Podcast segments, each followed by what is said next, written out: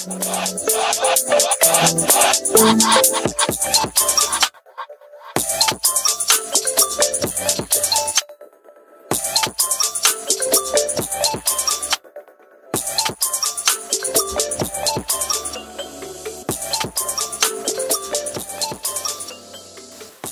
head kuulajad. tere, ausad mehed ja naised. käes on saade Ausad mehed ning te kuulate järjekordset episoodi, milleks on hashtag viisteist. Tänane episood on meil ühtlasi Martiniga selles mõttes ka selline, ütleme juubeliepisood, kus me tegelikult tähistame äh, kahte asja, tähistame viieteistkümnendat saadet, mis on iseenesest juba selline suurem number. ja samal ajal tegelikult tähistame ka seda, et me oleme ületanud sellise podcast'i või taskuhäälingu maailmas on selline needuslik number, hashtag kolmteist või siis number osa kolmteist, kus inimesed tihtipeale jätavad podcast'i üldse pooleli. et saavad teemad otsa, saavad mõtted otsa ja, ja selle tulemusena siis äh, jääb asi katki. et tänaseks me oleme selle ületanud. aga kes, kes me oleme üldse? kes me oleme, mina olen äh, Kris Kala endiselt, ja Martin Pukspuu. Martin Pukspuu endis minu kõrval, et jah, see jäi praegu ära, aga enamus saate kuulata juba teavad, kes me oleme. et äh, Martin, meil on traditsiooniks äh, kujunenud selline asi, kui on keegi, kes on meile midagi head või halba öelnud, siis me tegelikult tavaliselt teeme mida? täname teda. täname teda. ja keda sa tahaksid seekord tänada, Martin? Tahaks tänada Sten Oliveri seekord, kes jättis meile toreda arvustuse, et aitäh sulle. ja aitäh, et olid nõus tegema panuse, et meie jaoks on väga oluline saada teada seda, mis inimesed arvavad meie saatest. võid lähemale tulla selle tooliga, et ju Martin, ei, ma jään siia, ma arvan, siit jääb ka okei okay, noh, et me siin ilusti, ilusti hääl peale. seame ennast sisse alles, täna on erakordselt äh, teistsugune saade, et me oleme seekord külas ja, ja siin on nüüd vaja natuke mikrofoniga äh, ennast kurssi viia ja kogu selle kauguse, kauguse mängimisega ja sellega, kus me istume, kuidas me istume ja ja et see hääl läks ilusti peale, kui ma tegelikult siin vahepeal otsa räägin või otsa vaatan ja räägin, siis ega ma ju tegelikult ei tea, kuidas. no sinu, sinu hääl jääb alati hästi peale. jah, sinul on selle häälega, et jääb kuidagi vaiksem vist tämbri poolest. mis seal ikka, loodame, et tuleb head, head helisid meie suust ja teie, teie kõrvadesse. ja enne kui läheme tänase saate juurde tegelikult äh, võib-olla lühidalt äh, sissejuhatavaks ka, Martin, mis vahepeal toimunud on? Nädal aega möödas jälle. ma küsisin tegelikult sama küsimuse käest autos siia sõites ka. küsisid autos jah, et mis toimunud on, aga. ja autos ma juba ei osanud vastata sellele. sinu sünnipäev oli Mhm. üksteist august, kaksteist august. kaksteist august sünnipäev. pidasid üksteist august jah et väga tore päev, jälle mõnus, sai maal aega veeta. ja üksteist august oli minu isa sünnipäev ka no tegelikult vot. aga sinna no. no tänavu ei jõudnud. jaa, selles mõttes ma soovisin õnne talle, aga, aga sinna see jäi jah, et telefonikõne oli juba siukene, tekitas vastakaid tundeid, et, et äh, mõtlesin, et lähen talle külla, aga ei, ei, ei läinud külla, et ei tekkinud seda tunnet sisse, et tahaks külla talle minna mm. -hmm. mis veel toimunud? ma ei teagi, elu. jah, praegu, praegu ei oskagi midagi niimoodi ekstra välja tuua, et tavaline elu selle isaga tahtsin teile öelda aga ma tahtsin öelda seda ka ja, et praegu on sihuke natuke tunne, et sihuke nagu närv on sees, et natuke sihuke esinemise tunne, et teistmoodi saate formaat. et sihuke huvitav, huvitav tunne. et ma tahtsin selle isa kohta tegelikult öelda seda veel, et huvitav, et sa mainid seda sellepärast, et meil tegelikult oli elukaaslasele ise kokku lepitud ka minu vanematega ka sihuke kohtumine, noh, ütleme siis mitte sünnipäeva tähistamine, aga tulevad külla ja noh, pole terve suvi näinud. ja isa helistas mulle siis sünnipäevapäeval ja, ja soovis õnne ja see kõne oli üldse selline ka hästi noh, alati on selline, et isa tahab kohe ära panna mm -hmm.. noh, kuidagi ei ole No seda tavaline. noh, ei ole sellist ei taheta pikalt rääkida ja, ja mitte, et ma nüüd ka tahaks klammerduda või, või aga ikkagi noh, küsid, kus lähed, siis ah, mis mul ikka ja tead, ma ei hakka rohkem aega raiskama, et mis seal ikka, lõpetame ära. ja see ei, tee nagu haiget, aga pani nagu mõtlema, et, et ju siis nii peab olema. et mm -hmm. seesama mõte, et miks ma just sellega resoneerun, on see, et sa ütlesid, et sa tahad isale külla minna, sest et eh, ei tekkinud seda noh, ei tekkinud seda Ei tekkinud tunnet, tunnet, tunnet, enne oli see tunne, aga peale seda kõne jah, kui ta ütles mulle, et, et äh, minu prioriteedid on paigast ära niimoodi pool naljaga, aga pool tõega, et ma eelistasin tulla sinu sünnipäeval mm, -hmm. eks ju. ja, ja siis nagu oli jah, kohe see tunne, et nagu ei, ei soovi praegu panna sinna energiat, et ja miks ma seda mainin, on, on tegelikult huvitav see, et ka mina tundsin kõne ajal, et tegelikult ma oleks võinud meelde tuletada isale, et kuule, me pole nagu, me pole kuupäeva paika pannud, me pole rääkinud sellest, tegelikult sellest on möödas nüüd juba kaks nädalat äkki. kui Eliise selle ettepaneku tegi, et me võiksime seal maal kohtuda. ja ma ei tundnud seda tunnet, et ma tahaksin seda meelde tuletada. sest ma tajusin ära sellest häälest, et tegelikult inimene ei ole huvitatud. noh, isegi mitte võib-olla mitte halvas alguses, aga ma tundsin, et äh, kuna ta ise seda välja ei toonud, selles ühtegi sõna kuidagi mingid vihjed ei andnud, järelikult ei ole tema jaoks ka see oluline. Vähemalt antud moment, mis ei ole üldse halb. ja ma arvangi, tahangi öelda seda, et äh, ka võib-olla kuulajatele, et kui on elus, noh, see on minu isiklik kogemus, ma praegu, ma eksin praegu. aga ma tundub, et see endaga aus olemine ja see, kui sul tõesti on valik, et sa ei läinud sinna, sa otsustasid tulla minu sünnipäevale. ja ma otsustasin seda mitte uuesti üle küsida või täpsustada, eks ole.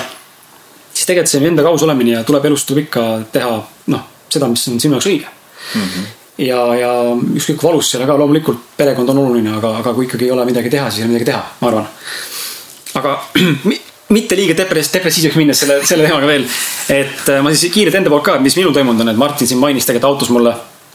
et hästi-hästi tihedaks läinud nagu nädalate graafik üldse selles mõttes olustik kuidagi, et tunned, et kõik nagu voolab ja midagi nagu, ükskord midagi ei toimu, aga samas nagu toimub ja et just, et äh, kui ma vaatan enda päevagraafikuid näiteks, siis tundub, et hästi nagu rahulik tegelikult, et ei ole nii palju trenne mm. -hmm et äh, enamasti on nagu päris palju tühja auke päevas, aga kuidagi kõik on kuidagi täidetud see. et hästi palju elu, elu toimub kogu aeg, selline tunne. mul on nagu sama tunne, et äh, see on nagu minu jaoks märkimisväärne, sellepärast et kui ma ennast vaatan, siis ma olen nii ajaga kasvanud, selles mõttes viimaste aastatega kasvanud. Äh, ma ei tea, kas see on siis tulnud tänu sellele, et elukaaslane on selline vaiksem ja introvertsem veidi, aga, aga ma tunnen, ma olen, ma olen nagu muutunud introvertseks, aga mitte, mitte sotsiaalses mõttes. ma saan inimestega räägitud, mul ei ole selles mõttes selline probleem, aga ma nagu ühiskondlikult muutunud introvertseks ja ma ei soovi olla enam väga seltskondlik. ja see kõlab nagu valesti võib-olla mõne jaoks, aga, aga noh, teie mind tunnete mingil määral ja saate aru, mida ma mõtlen võib-olla. aga see viimane nädal oli hästi tihe, ma käisin siin äh, mitu, üle-eelmine nädalavahetus käisin äh, ühe sõbra sünnipäeval, siis oli mul neljapäeval järgmise sõbra sünnipäev nädal, eelmine nädalavahetus, möödunud nädalavahetus siis eks mitu päeva tagasi. oli mu enda sünnipäev onju. esmaspäeval ehk eile, täna me lindistame, täna on teisipäev. eile käisin äh, vegan ajakirjaga andmas intervjuud, sain natuke raamatule promo teha. mis mm -hmm. tegelikult iseenesest hea, sest ma nüüd hakkan tegelikult seda rohkem promoma jälle raamatut äh, sotsiaalmeedias. ja hästi, hästi palju kuidagi hakkan, hakkan nagu asjad jooksma. ja huvitav on näha, et mulle tundubki, et see, et kui sa noh, ikkagi oled iseendaga selles mõttes äh, tugevas kontaktis energeetiliselt, siis, siis tundub, et need asjad hakkavad mingil määral ikkagi voolama. tulevad inimesed, tulevad situatsioonid tulevad, soovitud olukorrad tulevad, soovitud mingisugused mõtted. ja mitte alati, aga noh, tundub, et kuidagi praegu on mingisugune teine sihuke tsükkel elus käima hakanud. et seda sotsiaalsust on veidi rohkem tulnud sisse, aga, aga just nagu hästi lähedaste inimeste poolt, mitte ma lähen kuskile mhm. suvalisse mingisuguse festivalile, mis ei ole ka vale, onju. aga just see, et kutsutakse lähedaste sõprade poolt ja kuidagi kokku, kokku sattunud praegu see. et hästi huvitav oli märgata seda. aga. täiesti nõus aga lähme siis saate juurde, nüüd ka pikalt venitame, siin sissejuhatus kipub meil taas siukseks hästi pikaks minema. tihti peab panema, seekord paneme seekord ka, paneme sinna jah ära selle, selle ajapunkti, kust nagu inimene võib kuulama hakata. seda see sissejuhatus nagu ei, ei köida, et.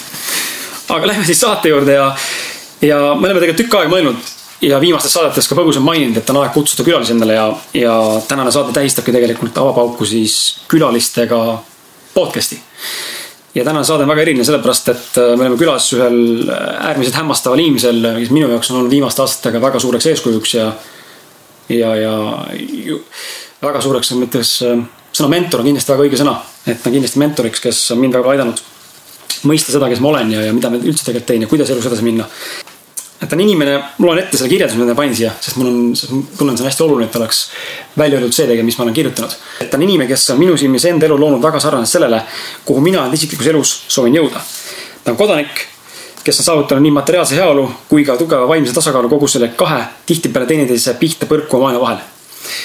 minimalistlik, südamlik, emotsionaalne, aga mitte emotsioonidest juhitud vaid omades julgust näidata enda tõelist minapilti ja olemust ning on võimeline ennast samal ajal kõrvalt jälgima ning vajadusel sügavalt analüüsima, mis on toonud mõistmist sellest, kes ta tegelikult on ning mismoodi elus enda jaoks rahu leida.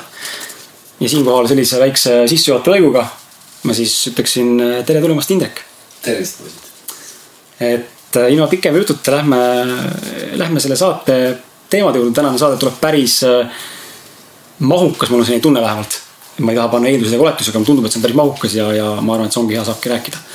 et siin Indreku juures külas käimine alati on minu jaoks selline puhastav, sihuke puhastav, et sa elad siin ilusas kohas ka ja metsa sees ilusti. siin on jah väga kodune tunne, et ma töötasin üks suvi Toila spa kõrval olevates kämpingutes ja, ja siis seal sai neid, koristasime neid seal kogu aeg ja selline siin on nagu sarnane tunne nagu kämpingus, aga kõvasti kodusam ja mõnusam, et.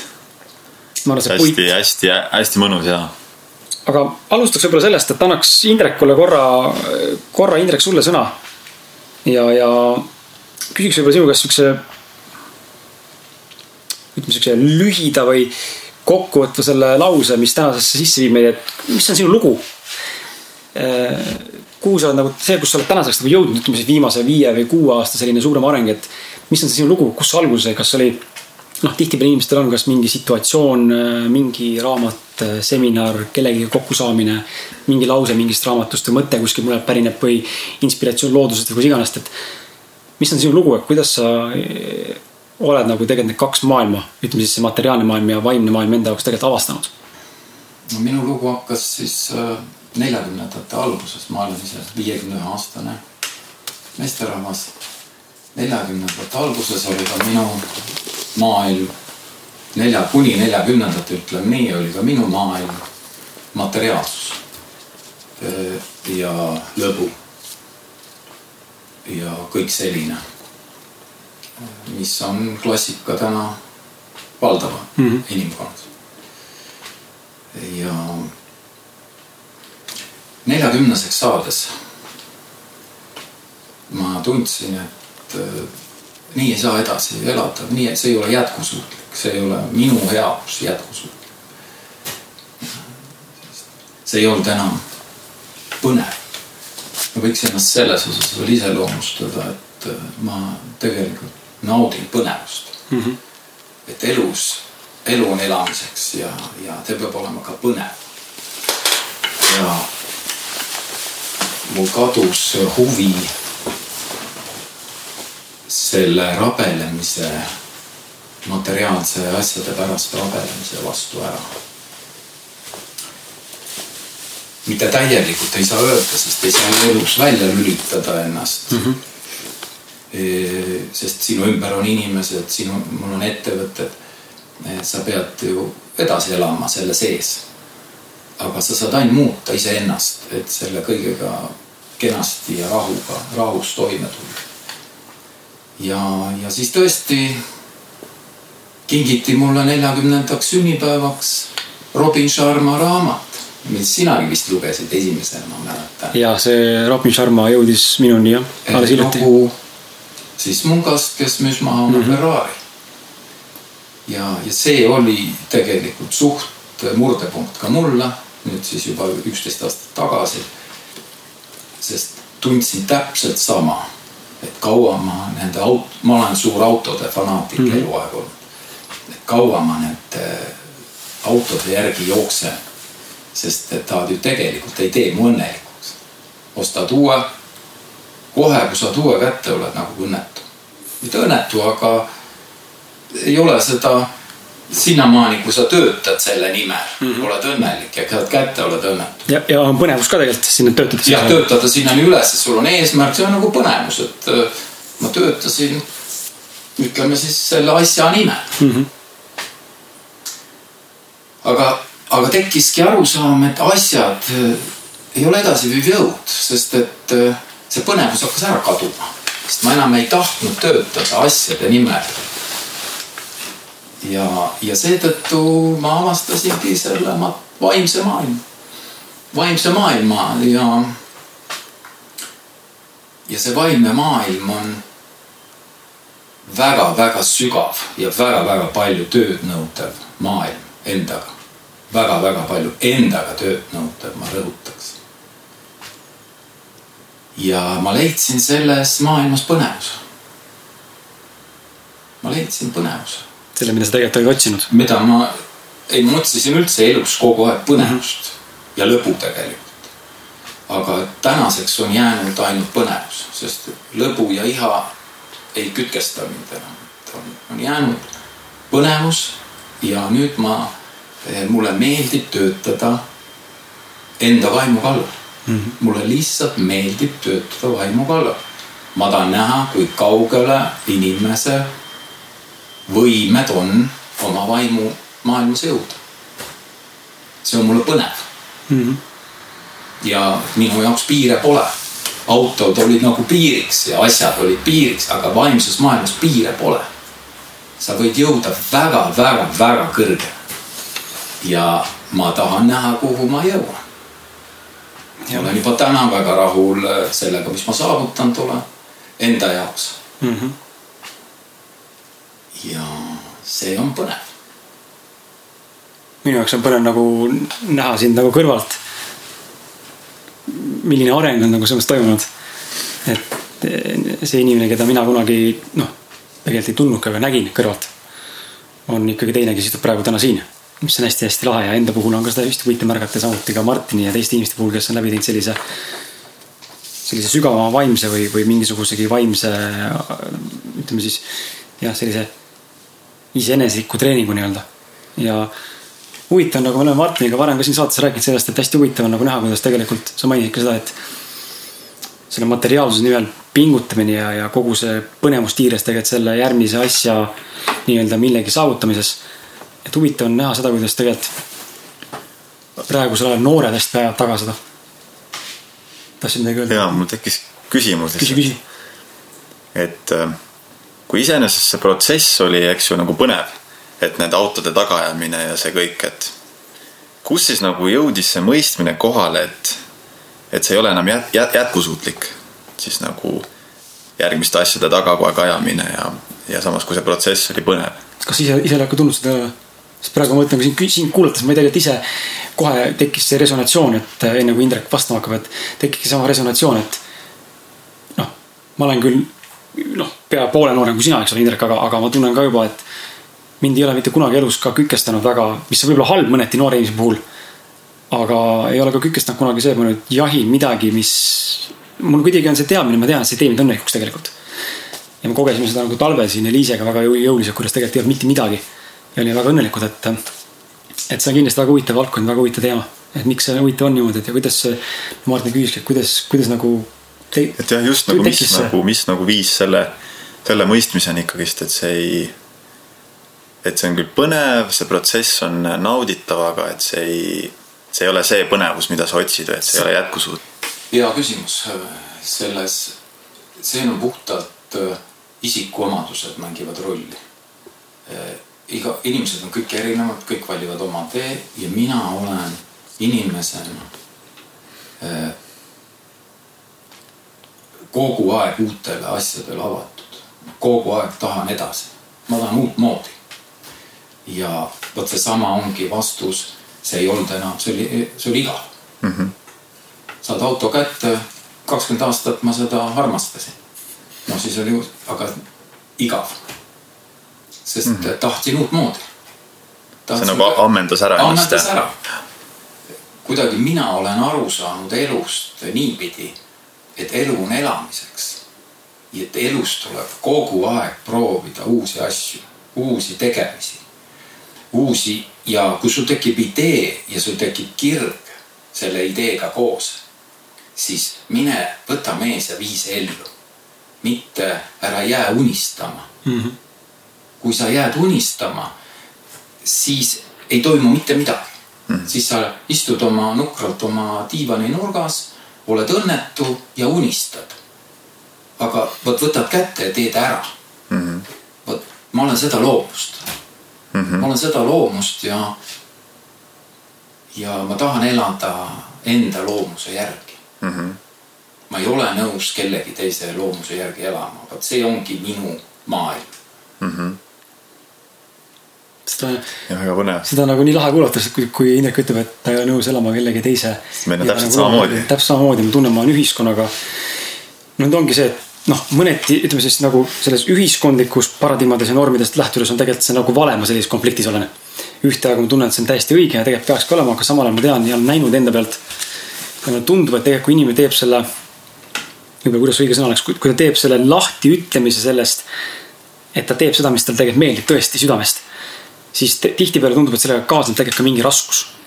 Ja mitte just, võib-olla ka mitte füüsiline alati, mitte et sul ei ole raha või on materiaalselt raske. sa mõtled nüüd mitte lahtiütlemine sellest, et sa teed, mida sulle meeldib, vaid et sa astud sellest sa levinud ühiskonnamudelist välja ja sa hakkad oma südame järgi elama. jah, aga just tegema, mis sulle meeldib ja astud sellest välja.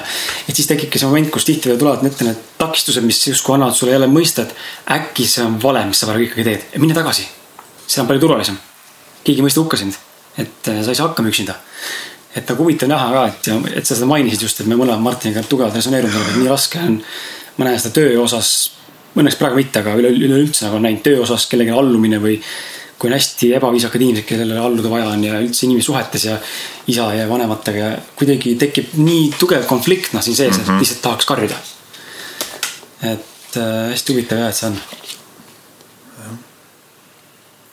mul tuleb kohe siit see küsimus ka järgi, et just, et me oleme nagu noored inimesed sinuga ja me mõlemad äh, oleme juba nii-öelda enda jaoks kuidagi taibanud, et see materiaalsuse tagaajamine ei too seda, mida me tegelikult otsime, onju. Mhm. et see võib olla ka, ma tunnen ka, see toob mulle põnevust, onju, mingid numbrid kasvavad. teenisin näiteks äh, eelmine kuu nii palju raha, kui ma ei ole kunagi Eestis varem teeninud. sihuke põnevus, lahe tunne, aga samas ma nagu näen, et see mingit sügavat rahu see ei too, onju. Et just, et kuidas nagu nüüd noore inimesena, nagu ma olen nagu enda jaoks aru saanud, et see materiaalsuse tagaajamine mind õnneni ei vii kuidas noore inimesena leida see tasakaal nüüd, et ma siiski ju pean olema selles materiaalses maailmas. ma tahan, et ma saaksin vähemasti võimaldada omale seda elustiili, äh, mis mulle sobib.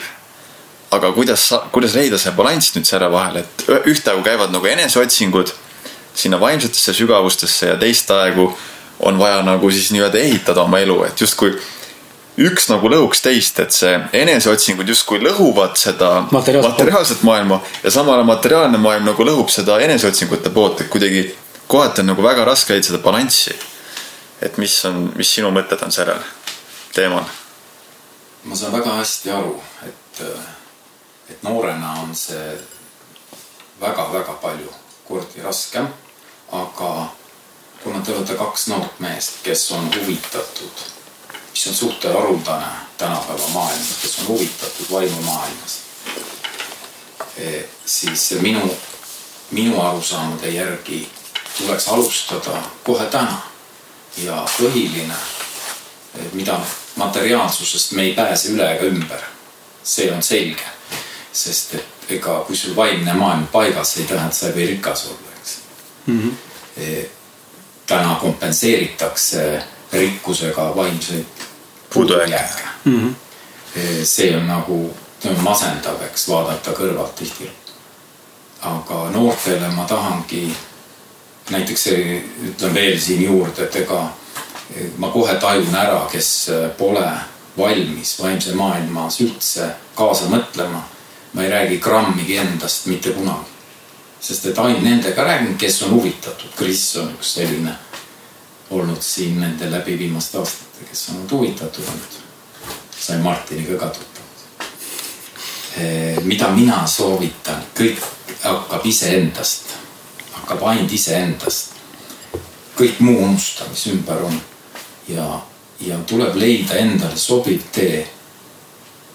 leida see nagu ilus sõna on harmoonia mm. -hmm.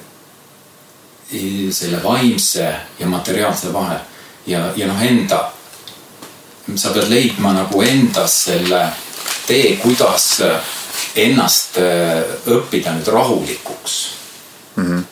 sa pead nagu õppima see sisemist maailma rahulikuks eh, sundima või, või no need on, need on protsessid, need on õppetunnid, noh mm -hmm. üks näide on mediteerimine et sa pead, sa pead alustama millegiga, mis sulle sobiks.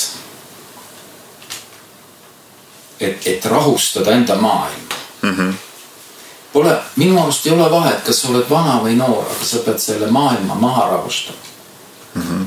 kui ma kuulsin teie jutust isade teemal, siis oli kohe näha, et teile piisab ühest õrnast isapoolsest äh, pool huumoriga või pool kiusuga või ma ütleks isegi niipidi, ma olen ka ju isa, teie, teie sõbra isa mm. -hmm. et, et ka isad ei taha halba, aga neile, nad ei mõtle kaasa mm. -hmm. kes ei ole vaimumaailma süvenenud, nad ei mõtle kaasa, nad ei viitsi mõelda ja nad lahmavad umbes, sest sa oled oma inimene. Nad lahmivad umbes, aga nad ei, nad ei saa arugi võib-olla, et teile teeb see haiget Nad lahmivad umbes seetõttu, te ei saa isasid muuta mm. -hmm. Te saate iseennast muuta. et äh, võta ennast kätte ja ära tee väljagi. ära pane tähelegi, mis ta ütles. ta, ta ütleb umbes, uskuge mind, poisid, ta ütleb seda umbes mõtlemata. ja teil juba näed. juba emotsionaalsed reaktsioonid. emotsionaalselt oli üleval, emotsioonid üleval ja ma ei lähe ta sünnipäeval. Ja vot siin ongi minu sõnum minu arust äh, sinu vastusele või veel kord mainisin ka seda. lihtsalt leia see endale õige tee sisemise rahu leidmiseks mm. -hmm. sisemine rahu ongi elu alus. ja sealt tuleb ka see, et siis ma suudan ka paremini tegutseda materiaalses maailmas, eks ole. absoluutselt. ja nii-öelda paremaid valikuid teha ja, ja. Mm -hmm. Materiaalsena ma suudan ka Ehm, materiaalses on see täpselt samamoodi, kui sa võtad seda raha teenimist rahulikult. nagu need, ega siis raha sinuni halvemini ei tule mm. -hmm. kui sa, kui sa tormad sinna raha teenimisse, ta tuleb täpselt samamoodi, kui sa võtad teda rahulikult. jah. selles mõttes jah, protsess, protsessis ei muutu ju mm. -hmm vaid see sinu enda, tundubki, et see meie enda perspektiiv tegelikult on see, mis takistab või kiirendab mingil määral asja, kuidas me tegelikult sellesse panuse paneme mm. -hmm. selle inimeste, selle isa, isa puhul ka, et kuidas, et, me siin nii-öelda reageerisime ja et ei olegi vaja nagu panna tähele, tuleb ka see kohe meelde, et et inimesed lahmivad niimoodi, tegelikult on ju praegu lihtsalt tekkis seos, tegelikult on seda näha olnud ka mul tut-, ütleme siis ja just nende inimeste poolt, kes sind tunnevad et kui sa satud võõrasse seltskonda, siis tegelikult ju, siis sel hetkel, kui nüüd ütleme näite, et siin on kümme erinevat inimest satuvad kokku ja üksteist keegi ei tea, siis kõik on alati alguses hästi vaoshoitud. ja mul üks lause, mis selle kohta öeldakse, on see, et see on nii inglise keeles muidu lause, aga eesti keeles võib-olla selliselt, et kõik tunduvad normaalsed seni, kui sa ei õppinud neid tundma.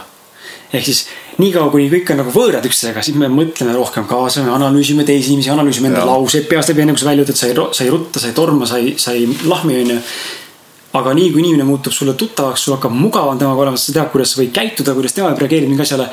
siis sa hakkad lahmima, hakkad ütlema seda, mis tegelikult tahad öelda otse emotsionaalselt või üldse kuidagi agressiivselt. mul lihtsalt tekkis nagu seos, tundub, et see on nagu ka inimkäitumis loogiline mõttes, et me ju oma inimestega olemegi vabamad ja, ja lahmimegi asju ilma mõtlemata mm.. täpselt õieti, sa ütlesid, nii on. millegipärast omad hoolivad nagu mõnes mõttes kõige vähem omadest mm, -hmm. kui me praegu niipidi lähtume. siis peaks tegelikult, aga tegelikult peaks just nagu vastupidi. Vastu, aga tegelikkuses on ka minu peres sama näited, omad nagu hoolivad kõige vähem või ei mõtle kaasa mm. -hmm. mind tegelikult ka elus väga segab, et inimesed ei mõtle kaasa. Nad suhtlevad nii, et nad kogu aeg äh, plähmerdavad. see lugu on kogu aeg nagu kaasas, et ja. ma juba tean seda inimest, ma tean, kuidas ta reageerib, käitub, ma võin talle visata neid nalju, neid nalju, öelda niimoodi. jah, ei mõelda üldse kaasa. ma tooks äh, siin hea näite. Teie rääkisite isast, ma, ma võin tuua näite näiteks minu ema. Äh, iial ta mind, noh, ta ei mõista, mis tähendab see vaimumaailm ja iga kord, iga jumala kord ta küsib, kas mul on igav. hästi nukrane auk, kas mul on igav ka, noh, sest ma elan üksi, ta kogu aeg õnnetu ja seda noh, vähemalt miljon korda. aga ma võtan seda kõike väga suure rahuga. ja ega ma ei vasta talle, ma teen lihtsalt naeran, naeru, naeru näo ja kusjuures edasi ei küsigi enam mitte midagi. et see minu puhul on see näide, et ta üldse ei viitsi minu maailma kaasa mõelda. miks ma olen üksi hmm., miks ma olen selle tee valinud? null. samal ajal kui tegelikult inimene ju üleüldse, kas sinu näite puhul või meie näite puhul, kui viitsiks kaasa mõelda, siis tegelikult suudaks ka mõista, kuskohast sa oma, oma selle maailmavaate perspektiivi tegelikult tuled ja kus sa oled. täpselt. sa suudaks ju ka tunda ja tajuda, et kui, kui Indrek kiirgab välja seda, et ta on rahul, siis inimene suudaks juba ju tunda, tajuda seda, siis ei tekigi seda küsimust, et kas sul on igav ka siin, et. aga tihtipeale inimesed ei kiirga tegelikult seda õiget emotsiooni väljast, ongi see. Nad ei suuda vastu võtta, nad ei suuda näha, kuulata, tähele panna, mis teise inimesega toimub tegelikult. ja, ja, ja mulle tundub, et ausus ka inimesed tegelikult välja ei kiirga endast, et see ongi, et sina oled omadega tegelikult rahul, eks ole, noh, võib-olla tõesti sina oled saavutanud selle taseme. aga on ju ühiskonnas nii inimesi, kes tegelikult kannavad seda maski ja kiirgavad tegelikult täiesti valet sagedust ja valet informatsiooni tegelikult täiesti endast välja. ja see tekitab seda ju. ise kindlasti ka absoluutselt, et äh, huvitav tegelikult ja kuidas, et kui suudaks ainult seda teist inimest äh, kelle, ma rääkisin Liisega, siis praegu mul tuli meelde, ma rääkisin Liisega ükspäev autos. ma ei mäleta, millal see oli võib-olla, võib-olla see oli pärast seda, kui eelmine kord siin käisin. tekkis mingi eureka peas. ja ma jõudsin selleni, ma kirjutasin päevikusega sellest, et ma jõudsin enda jaoks sellise arusaamani, et elus taandub kõik, ükskõik mida me ei tee või mida, ükskõik mida me ütleme, kuuleme, näeme, kõik see info, mida me tegelikult ju noh, tajume, eks ole, kogeme füüsiliselt või vaimselt. kõik taandub sellele, milline on meie perspektiiv, ehk siis kuidas me seda enda jaoks vastu võtame, kuidas me tõlgendame enda jaoks seda. Ja seesama nagu resoneerub praegu sellega, kus me rääkisimegi, et kui inimene suudaks noh, võtta, kaasa analüüsida, kaasa mõelda, siis ta tegelikult saaks aru sellest, kustkohast inimene tuleb. või, või miks üks asi niimoodi mõjus on ju. mis sa näitad mulle? jah et, et see on selles mõttes hästi huvitav ja, et mulle tundub ka, et ongi kõik see, kõik see tegelikult taandub selle allikani välja ja see ongi see põhi, põhitõde nagu on see, et need peaks suutma tegelikult just nimelt kaasa mõelda, analüüsida. et mõista teist inimest ja mõista nagu rohkem ka võib-olla käitumist või, või kogemust rohkem. Sest et tundub, et seda ei tehta üldse. ei osata või. minu meelest siit tulebki see, et kuidas, kuidas siis nagu suuta paremini kaasa mõelda ja inimesega reaalselt suhelda.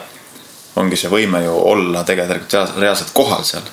jah siit äh, vist olekski hea sinu järgmine küsimus küsida. Martin jah, vihjas mulle järgmise küsimuse, mis tegelikult läheb kohe siia juurde, ongi see, et Indrek, et äkki oskad seletada sina, sa oled, kusjuures sa oled seda varem öelnud ka mulle ja me oleme Martin ise ka sellest võib-olla natukene rääkinud, aga võib-olla sina oskad paremini. oled või natuke kogenum ja oskad öelda äkki paremini, et äh, mida tähendab sinu jaoks hetkes elamine? ja kuidas sa seda võib-olla kirjeldaksid või kuidas sa seda tõlgendad? sinu perspektiivi poolest, et mis on sinu jaoks hetkes elamine? esmalt hetkes olemine on elus ülioluline, noh ainuoluline, et elada, et üldse, et elada elamisväärselt. minu jaoks hetkes olemine on see, et ma naudin igat hetke päevas, mis ma teen või mis ma ei tee. ma tean, et seda kõik ütlevad mm -hmm. alati onju aga see äratundmine, seda ei saagi sõnades teile öelda. see äratundmine tuleb sinu sisse. kui sa teed endaga tööd, see tuleb sinu sisse. ja hetkes elamise nagu lahti seletatud, ma ütleks nii. Et äh, sul puuduvad, noh, ühesõnaga, sa ei ole kärsitu järgmise tegevuse suhtes, sa ei ole kärsitu järgmise päeva suhtes, sa ei ole, sa ei ole mures, mis toimub. ei ole seda pidevat mõttevada, on ju. ei ole seda mõttevada, sest et vot see hetkes elamine ongi see, et äh, paljud võtavad mingi töö ette või tegevuse mm. -hmm. Juba nad mõtlevad järgmist tegevust ja ülejärgmist olete märganud, eks ju mm -hmm., see on kõikidel nii. ise, isegi teen seda. kõik on nii, et sul on juba, sa ei jõua ühte ära lõpetada, kui juba tormatakse mõtetes järgmisse, ülejärgmisse. aga vot see ongi nüüd viga. hetkes on see, et sa võtad selle protsessi ette ja sa teedki seda nagu niinimetatud tuima näo mm. -hmm sa teed seda, sa ei unista oma Mercedestest, sa ei unista oma tulevikust ja sa ei mõtle õhtustele tegevustele. vot sa teed seda ühte tegevust, mis sa võtsid ette täis naudinguga, täis mõnuga. vot see ongi hetkes elamine. ärge, ärge tormake asjadest ette, nad nagunii tulevad teie juurde mm.. aga inimene kogu aeg armastab mõelda selle peale, aga siis jääb ju olemasolev hetk ju nagu niruks või, või kärsituks või nagu, kuidas öelda siis ei saa hetkes olla mm. -hmm.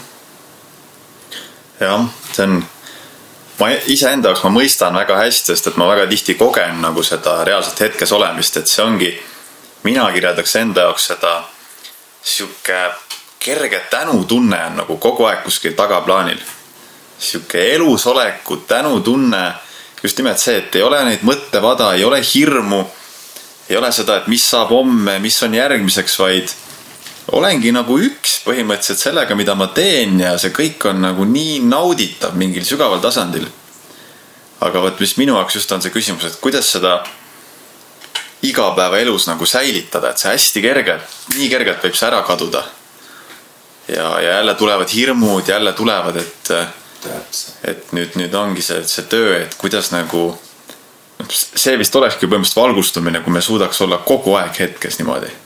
et mitte miski ei suudaks meid nagu enam viia välja, eks ole, sellest nagu kulgemisest olen täpselt samamoodi sellest aru saanud, et kui sa oled kogu aeg suudas olla hetkes, siis minu jaoks näiteks juba piisab, minu jaoks on see valgustatus.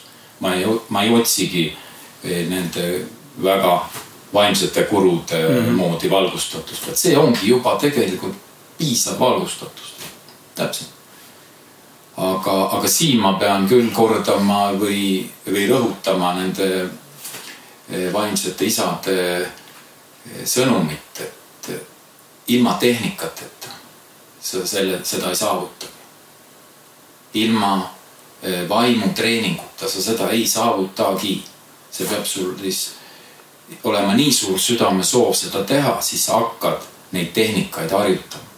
tehnikat siis ja tehnika näiteks on mediteerimine. ilma mediteerimiseta näiteks sa seda ei saavutagi. sul mõ- mõte jääb eluks ajaks hüplema. aga mediteerimine on see, mis, mis suudab, kui sa selle selgeks saad, see rahustab su meele ja sa oled, suudad hakata olema hetkes. jah, ja see on minu kindel veendumus, et ilma ei saa.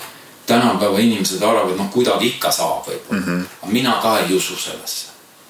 ma valisin selle metsatuka siin sellepärast, et siin mediteerida ja alles siis hakkas see minusse tulema mm. -hmm. see võime, et aga mul on poogen, mis, mis homne või ülehomme või, või, või kas see võime on siis nagu see võime märgata põhimõtteliselt kogu oma elu ja enda peas toimuvat nagu kõrvalt. siuke väiksed distantsid, et ahah, siin on mured, siin on mingid hirmud. aga nüüd ma otsustan, et ma ei pea sinna minema, et nagu viskan selle eemale ja väga hästi öeldud. et enda jaoks ma nagu näen, et see protsess toimub täpselt niimoodi. täpselt nii. ma isegi armastan öelda, et äh, ma armastan käia kõrtsus. ikkagi oma lemmikkõrtsus aeg-ajalt. ma, ja ma armastan öelda, et ma käin ja vaatan kõrvalt inimesi, ma vaatan kõike kõrvalt. aga ma ei ole selle sees, sa vaatled. ma ei ole möllu sees, ma olen lihtsalt äh, inimeste keskel. ma olen ka inimene. ja ma vaatlen. ja samamoodi ma lihtsalt olen. ja ma tõeliselt naudin seda nauding lõpeb siis, kui keegi joodik tahab vestelda. vot siis kaob mul nauding ja siis tuleb alati see sinu, et sa jutt meelde, et sa ei suuda ka kogu aeg olla, minna seltskonda, kus on joodikud. ei suuda lihtsalt, sest sealt ei tule mingit asjalikku sõnumit. aga aga kõrvalt vaadata on mul seda lihtne, aga osaleda ma selles mällus ei taha. huvitav jah. jah, ma mõtlengi, et ise kui ma, ma arvan, minu jaoks nagu see sügavam enesearengu teekond sai just alguse, kui ma hakkasin Ashtanga joogat praktiseerima.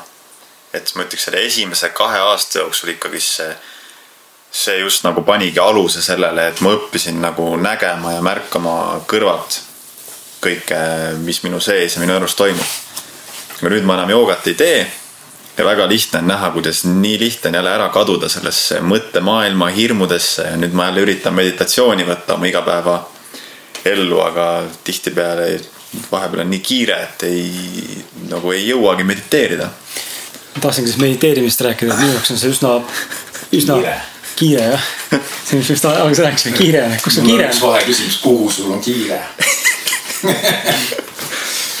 nii see. jah, Kris.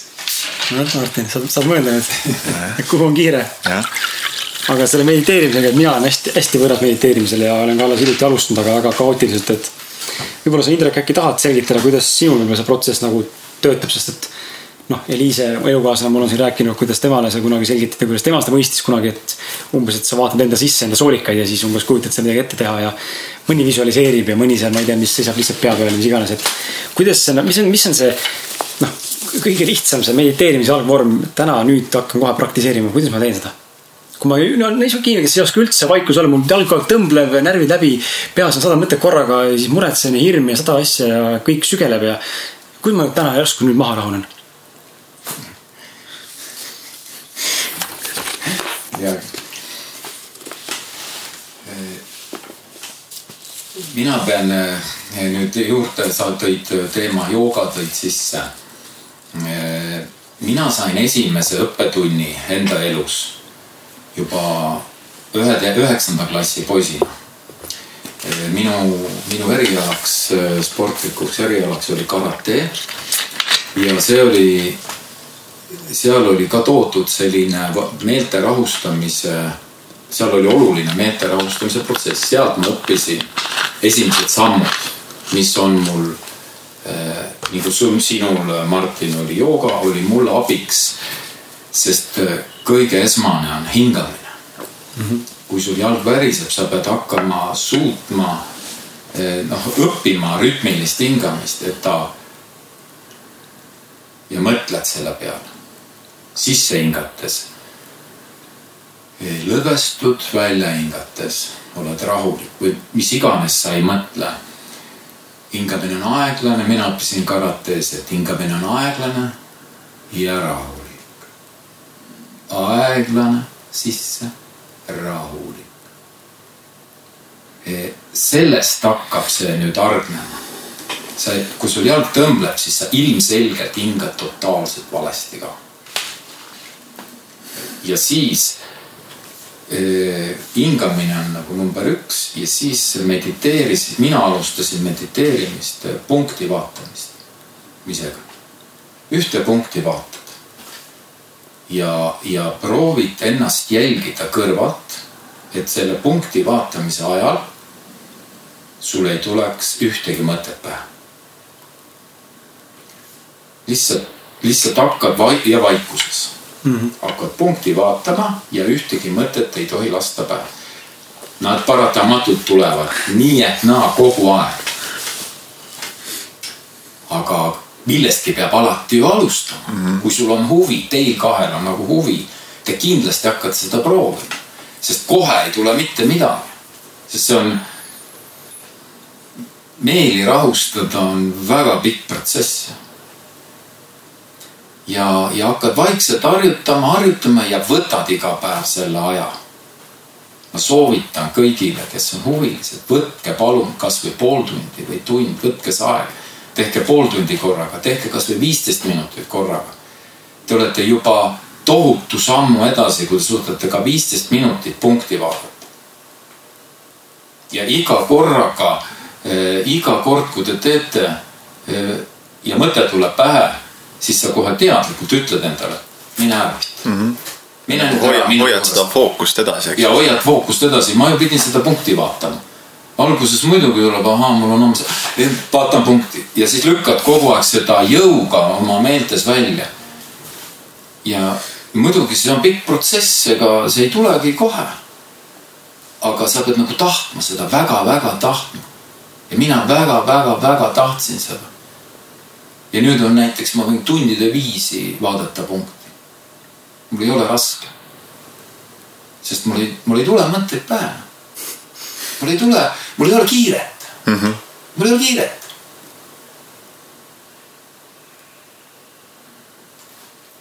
ma kujutan ette, kõrvalt, kõrvalt vaadatuna võib see nagu näida hästi, hästi siukse nagu transis oleva pilguga, et inimesed istuvad ja lihtsalt on ja. aga ma tean ise ka, ma olen ka kindlasti meditatiivseid neid eh, kogemusi kogenud. kas siis jääd tõesti siia loodust vaatama kuskile ja ongi pea tühi ja avastad, et oot-oot, mis siis, kus, mis, kus ma olin järsku niimoodi.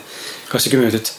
Aga et mõtlengi, et see, see tunne iseenesest, et endal ei ole muidugi imelik ja sina oled ise nagu happy, aga mõtlengi, et kõrvaltvaatajana ja võib-olla kuulaja, kes pole üldse mediteerimisega kokku puutunud. võib-olla mõtleb ka alguses, et nagu, et mis ma nagu ei teegi midagi või. noh, et tekib sihuke nagu tunne, et see hirm nagu, et aga ei toimu midagi ju. noh, tühi see, mis ma nagu siis nagu teen, ongi, ongi sihuke asi ongi ju aga inimesed ei saa. see ongi, see ongi ju hirmu, hirmu olemus tegelikult see, see üldse see küsimus tekib, et mis ma nüüd teen, miskit peaks ju tegema, et ja. see kõik, kõik nagu taandub sellele, et meil on see pidev hirm nagu mitte olla või. et mitte me defineerime ja. ennast nagu tegemise läbi mõtlemise. et ja, ja hirm ongi see, et kui ma midagi ei tee, midagi ei mõtle, et kas mind siis ei olegi olemas mm, -hmm. kuigi just sealt tulebki see kõige Suurem, sügavam meie see tegelik olemus ju välja. jah, huvitav jah. mul tuleb see tehnika, see ühte punkti vaatamine tuleb meelde sellesama raamatu pealt, Munk, kes müüs maha Ferrari. seal oli see roosiharjutus. roosiharjutus. roosi vaatamine, et noh, mõt-, point on tegelikult ju sama, noh, vahet pole, mida sa vaatad minu, minu vaimne iidol on Osho mm -hmm. ja mina harjutasin tema tehnikat, mis on õõnes bambuse. sest see loeb ka inimesele, see sõnastus alati. tema te, te, tehnika on õõnes bambuse tehnika.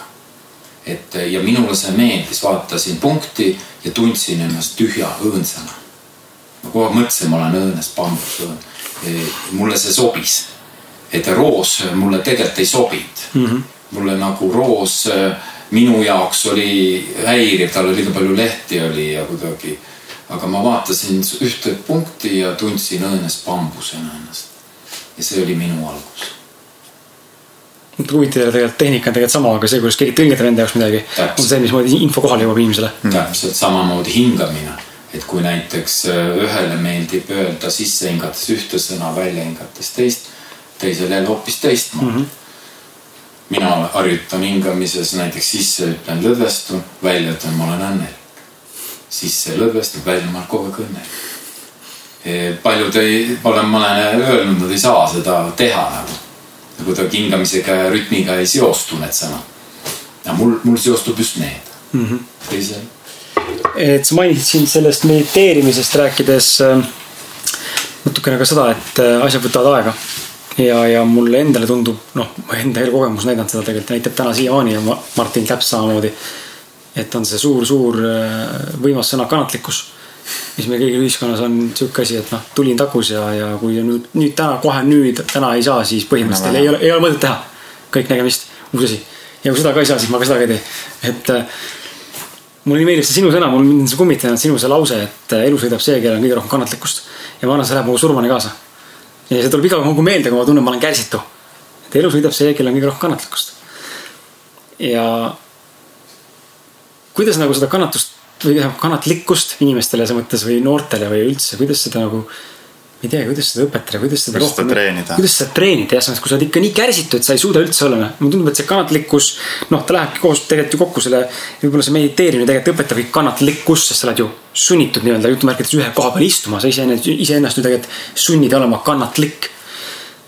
et võib-olla, võib-olla tõesti ka selleks on hoopis vaja mitte, on vaja nagu prak-, füüsilist nagu sihukest praktikat hoopis äkki, mitte nagu seda mõistmist nii väga, et kannatlikkus nüüd on mingi asi, ma pean ootama selleks ongi vaja treeningut. seesama kärsitus ongi, selleks ongi selle, selle võitmise relvaks ongi mediteerimine ja rahulik olek. ja, ja noh, leida enda jaoks õige sõnum endale, sa pead alati iseendale tõestama, sa ei, mitte kellelegi teisele, keegi, kõik on indiviidid, eks, sa pead endale leidma selle sõnumi kannatlikkuse puhul näiteks see, et aga kuhu mul on kiiret, ütled endale kogu aeg, no aga kuhu mul tegelikult on kiiret. kas sina näiteks, Kris, oskad mulle vastata? E, kui sa, et sa oled kärsitud, ma küsin sult vastu, kus sul kiire on?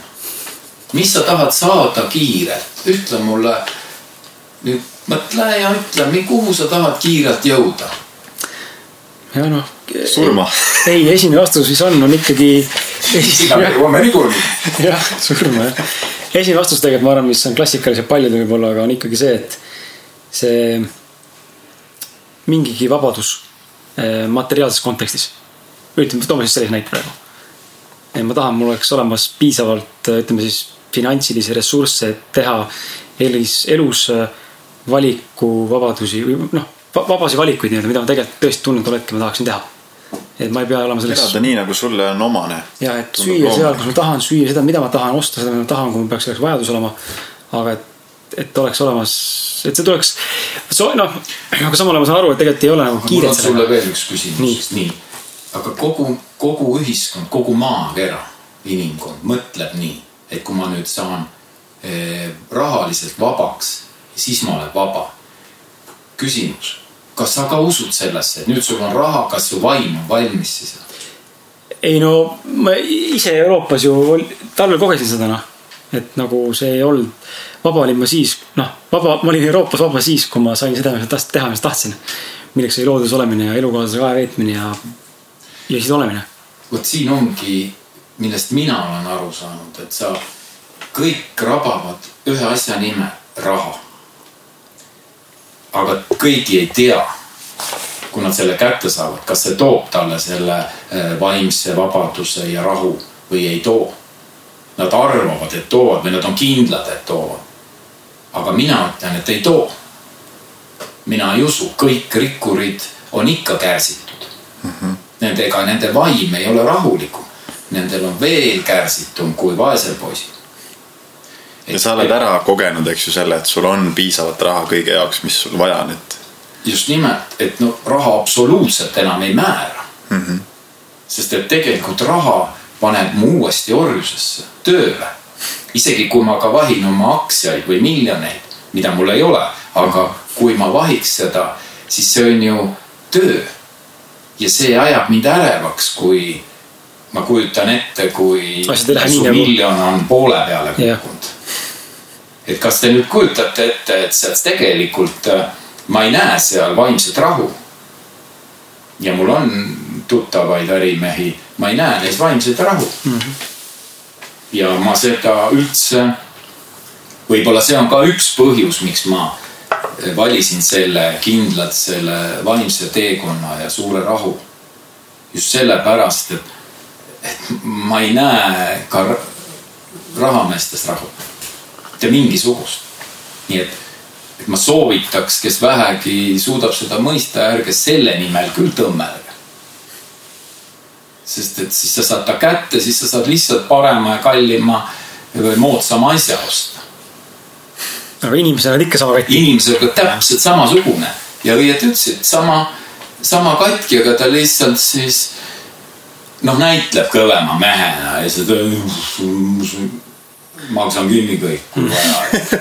aga, aga ta on täpselt sama katki, üksi olles on ta ikka sama õnnetu. et mina leian, et inimese õnn, kui sa ära tahad õnne tunda, siis ole üksi. ja sa tunned, kui sa üksi olles sa oled kärsitu, siis sa oled õnnetu.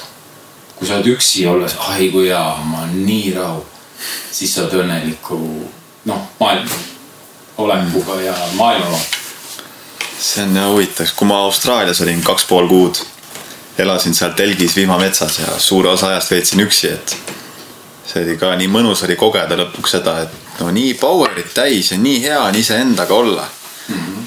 kui see tunnengi, kui see enda seest hakkab tulema kõik see elujõud ja loovad ideed ja mida ma tahaks teha ja võimas, aga, aga mul tekkis see küsimus, et kui kõik inimesed, kes ju tegelikult jõuavad selle materiaalse vabaduseni, mõistavad siis, et, et sealt ei tule seda tegelikku rahulolu.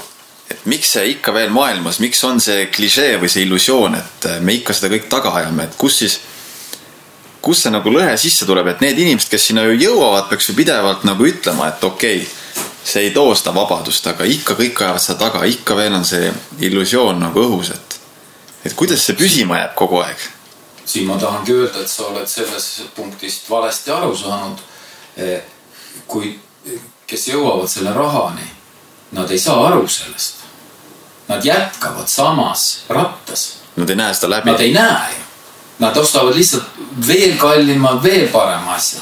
laiendavad, suurendavad, nii see ärimaailm ju kasvab. ütlevad teistele, et tehke sama, tehke Ja- sama, siis te saate siia, kus mina olen ja see teeb ja, teid õnnelikuks. aga nendele vaimsest mina nagu üldse ei, ei usu, et nad on vaimselt kuidagi jõudnud. Nad on, nad on materiaalselt sinna jõudnud.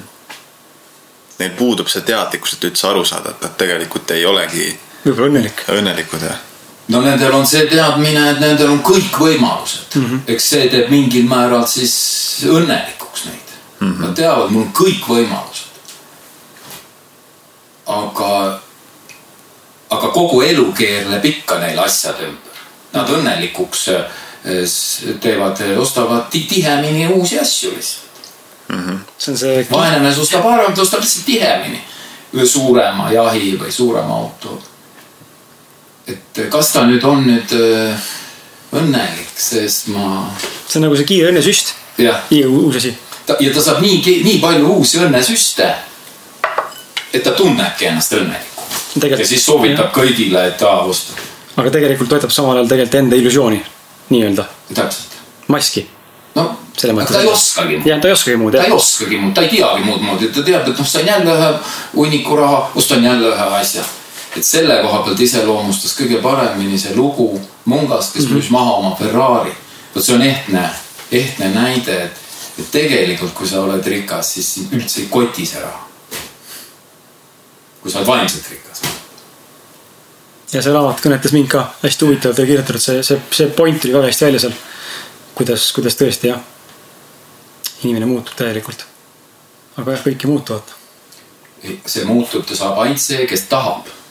Kes tahab seda teekonda alustada, kes hakkab ühel päeval punkti vaatama. ainult see muutub, kes soovib järjepidevalt punkti vaadata enne siin Martin rääkis sellest ka, et on sul ka toimunud, toimunud üksinda olles selginemine, vaata, et tulevad uued mõtted ja asjad ja mm. -hmm. mõtlesin, ma rääkisin sulle siin eelmisel kohtumisel, et ma teen sellest sotsiaalmeedias täiesti kuuajalise pausi mm. -hmm. ma otsustasin, ma teen seda, tundsin, see on minu jaoks vajalik ja ma noh, see oli õige otsus. nüüd tagantjärgi vaadates, noh, ma ei olegi sulle rääkinud, see. Mul on selline tunne, et see juba esimese nädalaga oleks midagi nagu toimus sisetasandil nii, nii sügavalt, et mul on selline tunne, ma ei tea, mu isiksus kihistus mitu korda ümber. noh, ta nagu pakkis ennast lahti, uuesti tagasi kokku, midagi on siin valesti, uuesti lahti, uuesti kokku. ja ma mäletan, et mul noh, kõige ausam öelda, mul tuli sihuke sitta ülesse iga, iga nädal mitu korda. Mingid omad hirmud või egod või asjad, kus ma olen valesti käitunud või kus ma olen ennast üle hinnanud või arvan ennast liiga palju või arvan teisest valesti või. ja, ja kõik need vestlused, mis sinuga olen, olen pidanud siin, mis me saatest rääkinud oleme ja ja jõudsin nii palju uutele seostele ja, ja lõpuks ma sain sellest aru, et, et huvitav oli nagu näha, et lisaks kõigele see, et tuli seda jama üles nii palju, ma hakkasin nagu mõtlema selle peale, korrastama enda päevi, pidama ennast analüüsima kõrvalt. sest mul ei olnud muud valikut, kui ainult ennast analüüsida, lihtsalt istusin seal terrassil ja ootasin oma päeva ja tiksusin ja. Ja ma olin hetkes ja, ja, ja, ja samal ajal, mida ma nägin, et lõpuks toimus nagu selginemine selles suunas, ma jõudsin selleni välja, et ja mu see probleem sai küll alguse sotsiaalmeediast, mingisugusest enda mingisugusest, ütleme sellisest pseudohäiritusest. aga ma jõudsin selleni välja, et tegelikult ma leidsin hoopis lahendile, kuidas, kuidas enda käesolevat raamatut kirjutada. ehk siis ma olin tegelikult ennast nurka kirjutanud ja see oli mind häirinud kogu aeg. ja mind häiris nüüd umbes A asi, aga tänu A-le ma jõudsin tegelikult selle tagasi selle B-ni, mis, mida ma tegelikult läbi hammustada suutnud enne ja, ja see kuu aega ilma internet, noh ilma selle sotsiaalmeediata nii-öelda siis nagu teistega suhtlemisest. emaili kasutasin ja telefoni ka, aga aga et kellegagi olnud kontaktis ja olin ka ainult kodus ja see oli noh, nii palju aega oli üle kogu aeg sihuke tunne, et nagu uus elu on mm. -hmm. ja jube vabastav, jube vabastav, hästi lahe näha, kuidas äh, toimus hästi palju selginemisi. et, et selles mõttes kihvt ennast kõrvalt näha niimoodi. aga kurb on see, vaata, kui inimesed saavadki selliseid kogemusi ja nad ei oska ennast seda nagu hinnata või seda kõrvalt näha. et nüüd toimus midagi või ma nüüd muutusin et minu jaoks on just see hästi oluline, et suudaks ennast hästi-hästi kõrvalt ise näha, aga ma ei, ma ei, ma ei kujuta ette, kas seda saab õpetada kellelegi, et sa, et sa astud endast välja ja vaatad ennast kõrvalt. seda ei saagi õpetada, see peab ise tulema. see analüüsivõime. no ja see tuleb ilmselt ainult, ma arvan, kogemusega ja haiget saamisega või ma ei kujuta ette millega, mingite traumadega äkki. kuidas kellelegi. Sa pead väga tahtma, ma ütleks, nagu sa tahtsid väga tundsid, et asi on kännu taga mm -hmm. sotsiaalmeedia tõttu. sa väga tahtsid ja astusid korra rattalt maha. see oli väga, väga hea käik. astu korra rattalt maha. kui sa kunagi maha ei astu, siis sa oledki maksimaalselt kärsinud. kas, tee kasvõi lühikesi kõrvalhüppeid, astu maha. jah, muidu sa oledki kogu aeg ju selles oravrattas kinni. täpselt, oravrattas huvitav jah võib-olla noortel, ma arvan, võib-olla noorte inimestel see materiaalsusega ja mida Martin ise arvab ka, ma arvan, koos minuga samal arvamusel ongi see, et, et meie võib-olla tunneme ka siin Martiniga, et me tegelikult ei vaja nagu seda rikkust, me ei aja, me ei aja nagu taga seda võrreldes nende inimestega, kes meie ümber on veel mõned tuttavad, kes siis nagu tõesti ajavad taga seda. et see ei ole nagu nii oluline. aga ma arvan, noortel tundub ikkagi olevat ka see, et neil ikkagi on see, kõik tahavad kogeda, vaata ikkagi neid hüvesid. ma absoluutselt äh, ei ei pea seda valeks, et kindlasti tuleb äh, rabada ka raha nimel mm. -hmm. elus peab kõik etapid ära proovima, sa pead, sa pead, kui see tunne on, siis seda tuleb teha. igal juhul. mul, mul ongi tihti see, see tunne, et okei okay,, jube varakult nagu jõudnud nende sellele enda sisseminemise teekonnale. aga nüüd nagu hästi tugevalt on tulnud ka kõrvale see, et, et oota, Martin sul on vaja see raha tagaajamise teekond ka läbi teha, et et, et kuidagi, et muidu see ei jätagi rahule, et lihtsalt on vaja läbi teha. aga kui sa oled ka vaimse, siis valinud teekonna, siis sa saad ka paralleelselt neid mm, -hmm. kui sa väga soovid ise. just, no ega muud moodi ei suudagi, ega ma ei, kui ma, ma arvan, kui ma üritaks visata kõik selle vaimse kõrvale, siis ma vist kuu aja pärast juba jalutaks seljakotiga kuhugi minema see häirekell hakkab nii tugevalt lööma, kui pikemat aega on nagu, ei ole seda kontakti iseendaga, et. ma ütlen, see on väga hea, et sa selle tee võtsid, alustasid selle teega, see on väga-väga hea. ma küsin sellise küsimuse, see ilmselt läheb jälle kõige selle eelnevaga kokku, aga kuidas äh, toimub sinu jaoks äh, eluvalikute ja otsuste tegemise protsess? et mis mis juhib sinu otsuseid, kas see on intuitsioon, loogika, mingi läbi põimunud neist mõlemast või jah? no ma ütleks, et minu elu juhib igati minu enda elukogemus ja, ja siis seetõttu intuitsioon kõige rohkem ehk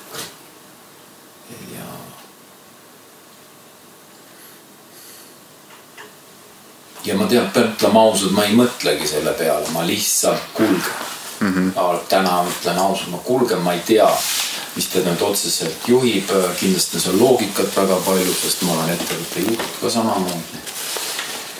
Aga kõige suurem on see elukogemus, mis mind tegelikult täna tunnen väga aitab, mis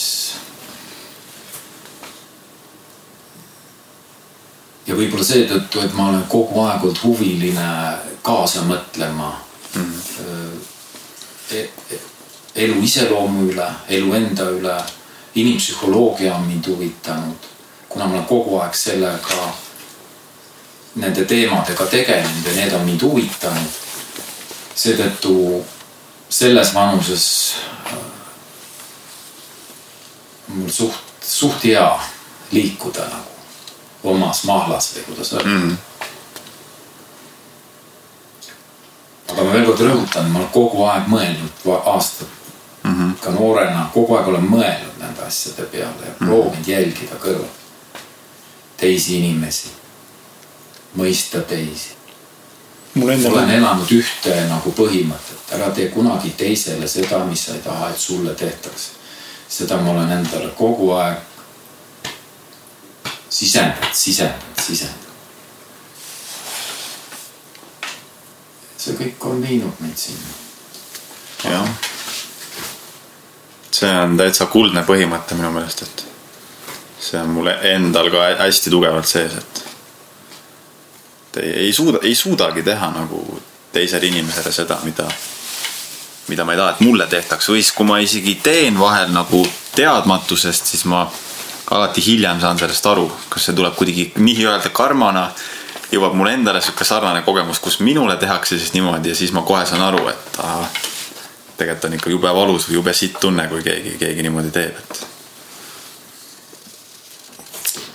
Just, sinna ma veel lisaksin selle, et seesama nagu tegevuse mõttes ma olen kogu elu aru saanud, et ära tee teisele seda ja nüüd ma veel lisaksin siia juurde selle, et ära ütle ka teisele seda, mis sa ei taha, et sulle öeldakse. see on väga oluline ja seda on väga raske muidugi ellu viia, tihti tuleb emotsiooni pealt, nagu teie isa näited siin saate alguses e. emotsiooni pealt, aga sa võta see murdosa sekundit või paar sekundit ennem kui sa vastad mm. -hmm. võta see. ja kui sa selle see on ka mulle kõige raskem elus, et mul ikka on kihvatanud üle huulte mingi jama. aga ma, ma olen väga teadlikult seda endas õppinud, et hoia tagasi enne. sekund võtab maha. ja kui sa kaks sekundit hiljem mõtled selle teema peale, siis vaatad, et ma ei tahagi sedasi öelda mm. -hmm. ma ei tahagi, see on ju nõme, see on ju lapsik. just. seda on huvitav, huvitav kuulata, sest et seda ma olen näinud enda ütleme nagu erinevates suhetes, noh isa ja, ja siin eelmistes suhetes tütarlastega, ka elukaaslase, elu, elukaaslase Liisega praegu, et. sõpradega samamoodi, et. et kui tekibki mingi, nüüd just selles suhtes on seda nii hea näha, kuidas on toimunud mingisugune. ei teagi, mingi areng, kui vanasti nooremana noh. ikka oli see, et nähvasid vastu ja keegi hakkas õigustama, siis. oi, kui mu õigus on, sa vait ja sa ei tea midagi ja. hakkasid nagu halvasti ütlema inimestele ja ja läks asi, no vali, valasid õli tulle, eks ole, läks ainult hullemaks, hullemaks, hullemaks ja lõpuks oli tüli majas ja räägitud nädal aega. siis nüüd on näen, et kui emb-kumb nagu osapool eksib kuskil või teeb mingisuguse sellise väikse apsaka, siis lihtsam on olla, just nagu ütlesid ka, olla hetkeks vait lihtsalt ja mõelda nagu, kas ma tahan seda öelda või tegelikult praegu tahab tulla välja emotsiooni pealt. Sest tihtipeale see on väga valus, mis tegelikult öeldakse, just emotsiooni pealt. ja ma olen õppinud nüüd ise ka näinud seda, et nagu nii huvitav on näha seda kõrvalt, kuidas, kuidas mis juhtub siis, kui sa suudad nagu rahulikuks jääda, vaata ei ütle. ütledki võib-olla viis sekundit või, või oled hoopis minut, kaks vait. ja lõpuks küsib su käest, kuule, mis sa vait teed, miks sa vastad mulle? siis vastad rahulikult, et mm. okei okay,, ma saan aru sust, minu vastus on selline. selle asemel, et siis kohe nagu rünnata ja öelda, et sina tegid vea ja sa oled süüdist-, seis süüdistama hakata ja. Et tegelikult. ja see on vahel piisav aeg. ja on jah. maha rahunemiseks. ja tihtipeale ongi. tihtipeale on piisav aeg paarist sekundist. ja rahuned maha ja tihtipeale tundub, et isegi need kasvõi läheb kasvõi ütleme sihuke tekib pikem paus, kasvõi paariminutiline, siis teine pool nagu ei tahagi jätkata enam. ta on ka enda jaoks ära lahendanud selle hmm.. või vabandab hoopis ise, ilma et sa peaks nagu ütlema hmm.. mõistab ka tegelikult, okei okay,, ta käitus valesti. siia ma lisaks veel ühe olulise mõtte just noortele, kuna see saadet teeb, teete siin täna sellist, mis, mis minu arust aitaks kaasa neid noori, kes, kellel on huvi, kelle huvi selle teema vastu ärge õigustage ennast. proovige jälgida ennast ja ärge tormake õigustama esimesel sammul, mida tegelikkuses kõik tahavad teha esmalt. Aga proovige olla nii tugevad, et võtke see eesmärk kasvõi. see on juba üks väga oluline punkt, ärge õigustage täiesti, täiesti nõus jah. seda on nii, nii lahe näha kõrvalt, kuidas terve maailm õigustab. ainult õigustab, ainult õigustab, ainult õigustab otsib taga seda, et mina jääksin ikkagi peale mm, -hmm. tema eksis. ja isegi kui sa ise eksid, siis ja. no ikkagi raiud sa seda, et teine, teine jääks nagu süüdi mm. -hmm. et jumal, mitte tunnistada, ma tegin vea. Sest ja ma arvan, et see tuleb, see taandub, ma arvan sellele, et inimesed ei, see taandubki sellele aususele ja eneseteadlikkusele, et inimesed ei julge endaga olla vist piisavalt ausad, sest et see on valus valus on ju tunnistada, et mina tegelikult käitusin valesti, mina tegin vea, eriti kui oled juba ära teinud selle, see tunne on ikka sees, et oh, ma sain nüüd välja öelda. aga nüüd pead hakkama ütlema, et ma eksisin. ütlema, et tegelikult ma tegin vea või et mina põhjustasin selle olukorra eskaleerumise. aga see on ego, see ongi see ego, ma arvan, mis segab seda. see ego, mis kaitseb ja kipub mm, -hmm. kipub õigustama. aga kui sa oled aus mees, nagu teie saade on ja oled enda vastu aus siis tegelikkuses mitte midagi ei juhtu, kui sa ei õigusta. mitte midagi mm. -hmm. kui te selle nüansi ühel päeval avastate, siis, siis te mõistate, tegelikult mitte midagi ei juhtu. Ütlen vastupidi, kergem mm. -hmm. südamel on kordi kergem, sest teine pool, kes ründas või ütles halvasti, on väga ebamugavas seisus sest teise e eesmärk oli provotseerida või halvasti mm -hmm. öelda. ja kui sa ei lähe sellega kaasa ja ei õigusta ennast, siis teisele jääb see mõrupill ja mhm. tegelikult on sinu ego ikka kaitstud ja veel paremini. Aga see alateadlikult kiputakse õigustama, mida ma ei soovita mul tuleb ka just tüdruksõbraga tuleb see nagu väga hästi tuleb välja nagu meeletul sihuke kiirteel olen selles mõttes just jah sellega ka, et et näha läbi need olukorrad, kus on tahtmine ennast õigustada, tahtmine teist süüdistada. ja alati, kui ma su suudan seda läbi näha ja mitte seda teha, kohe on nagu selline kas ta tuleb ise, vabandab juba ette ära või nagu nii palju kergem, nii palju parem tunne ja. et ikka, ikka uskumatu on nagu näha, näha kõrvalt seda tegelikult, kui palju ise, ise tekitan nagu probleeme just nagu suht-, suhtes olles, et. vot siin veel üks, tooksin ühe hea paralleeli sinu selle jutu peale, vot siin ongi üks näide kannatlikkusest. kui sa suudad hamma, keele hammaste taga hoida mm -hmm. ja ootad nii kaua, kui veel tüdruksõbra tuleb ise vabandust paluma. vot see ongi juba väga heal tasemel kannatlikkus. oota, ära torma süüdistama, ära torma armasti, ära torma endale kiidusõnu tellima, eks ju, vaid ole kannatlik, oota vaikides. ja kui ta seda ise tuleb pärast ütlema, see on, see on boonus. mulle tundub, et Just mul selle, kui me rääkisime sellest ähm, õigustamisest, siis mul kohe kargas pähe see, see tegelikult kogemus, mida tegelikult tahtsin teiega jagada ka siin saates, mida me kogesime Liisega üle-eelmine nädal ühel sünnipäeval. kus olid ka võõrad inimesed koos meiega ja noh, kedagi ei teadnud põhimõtteliselt peale selle sünnipäevalapse, siis me olime tema nii-öelda vanem, noh, tema perekonnaga siis ainukesed, ainukesed sõbrad siis nii-öelda. ja üks tütarlaps siis no ainult ise, noh, nägime ära, kuidas inimene tahab ainult endast rääkida. et hakkasid nagu rääkima mingeid asju ja siis sa vastad talle, aga sa näed, et vastamise ajal tegelikult ta juba mõtleb sellele, kuidas ta sulle vastata saab võimalikult pikalt. ja ainult endast mm.. ja lõpuks tundsin, kuidas see väsitas. see väsitas nii tugevalt ja siis mul jõudis jälle kohale, et see on see põhjus, miks ma ei käi mitte kuskil. sest ma ei viitsi lihtsalt seda kuulata.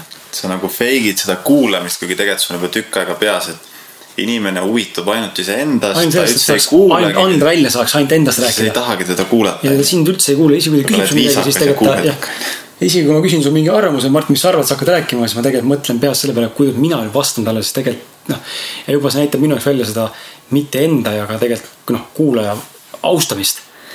ja mulle tundub, et see ongi see, see õigu-, enda õigustamine ja ainult endast nagu rääkimine kohati nagu mingil määral kuidagi selles mõttes kokku sobituvad mingi tasandil hästi õrnalt et jube, jube nagu lahe ja samas kurb on näha seda kõrvalt, kuidas see endast rääkimine ja enda õigustamine on nii, nii, nii suur prioriteet inimeste vestlustes.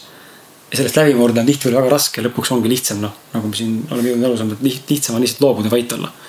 sest see muidu lihtsalt ei lahene. lihtsalt tuli meelde, noh. et äh, täitsa piinarikas oli see. väga hästi mõistan, mis sa räägid ja, ja sel juhul soovitan olla lihtsalt vait nagu sa isegi ütlesid, olla vait ja ära kuula. noh, see on jälle treeningu küsimus, aga olla vait ja ära kuula, sest et tihtilugu satuvad sellised olukorrad, ega see jutuvada sulle ju midagi ei anna mm. -hmm. et, et õppida, õpp-, see on ka üks point, mis tegelikult tasub elus õppida, on, et sa oled olemas kohal seltskonnas, aga sa ei kuula.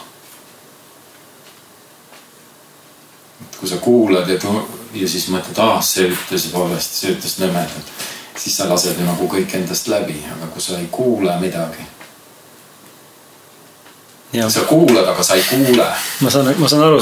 eks ju, siis tegelikult sa ei lase oma seda rahu häirida praegu, praegu, praegu mul tekkis nüüd sellepärast ongi see, miks ma ärritan tahan seltskondades, sest mm -hmm. mind mhm. ärritab see, mis inimesed kõrval räägivad. sest see ei haaku selle minu maailmavaate perspektiiviga. et ma isegi, kui ma neid ei mõista hukka neid, siis mind häirib see, et nad teevad seda, mida mina ei teeks. või räägivad nii, nagu mina ei räägiks see on nagu see, et sa oled, ise oled seltskonnas ja sa tahad olla osavõtlik, sa tahad kuulata inimestega suhestuda, aga sa näed, et kõik räägivad mingit oma teemat, keegi ei kuula. ise üritad seal pühida ja siis ajab nii marru, onju, et ja pluss veel see, kui inimesed räägivad midagi sellist, millega tegelikult sa ei nõustu, aga sa tunned, et sa ei saa seda öelda, sest tegelikult siis tekib konflikt. ja siis tekibki mul see tunne nagu, et ma tahaks, ma, ma parem ei lähe siis lihtsalt üldse. aga ma ei olegi mõelnud selle peale, kuidas treenida seda, ma lihtsalt ei kuula. ma olen seal olemas seltskonnas niimoodi, et jah. aga ma ei kuula. see on ka meditatsiooniga paralleelselt tuleb, et seda mm, -hmm. seda on väga raske niisama, ei olegi võimalik ennast välja lülitada.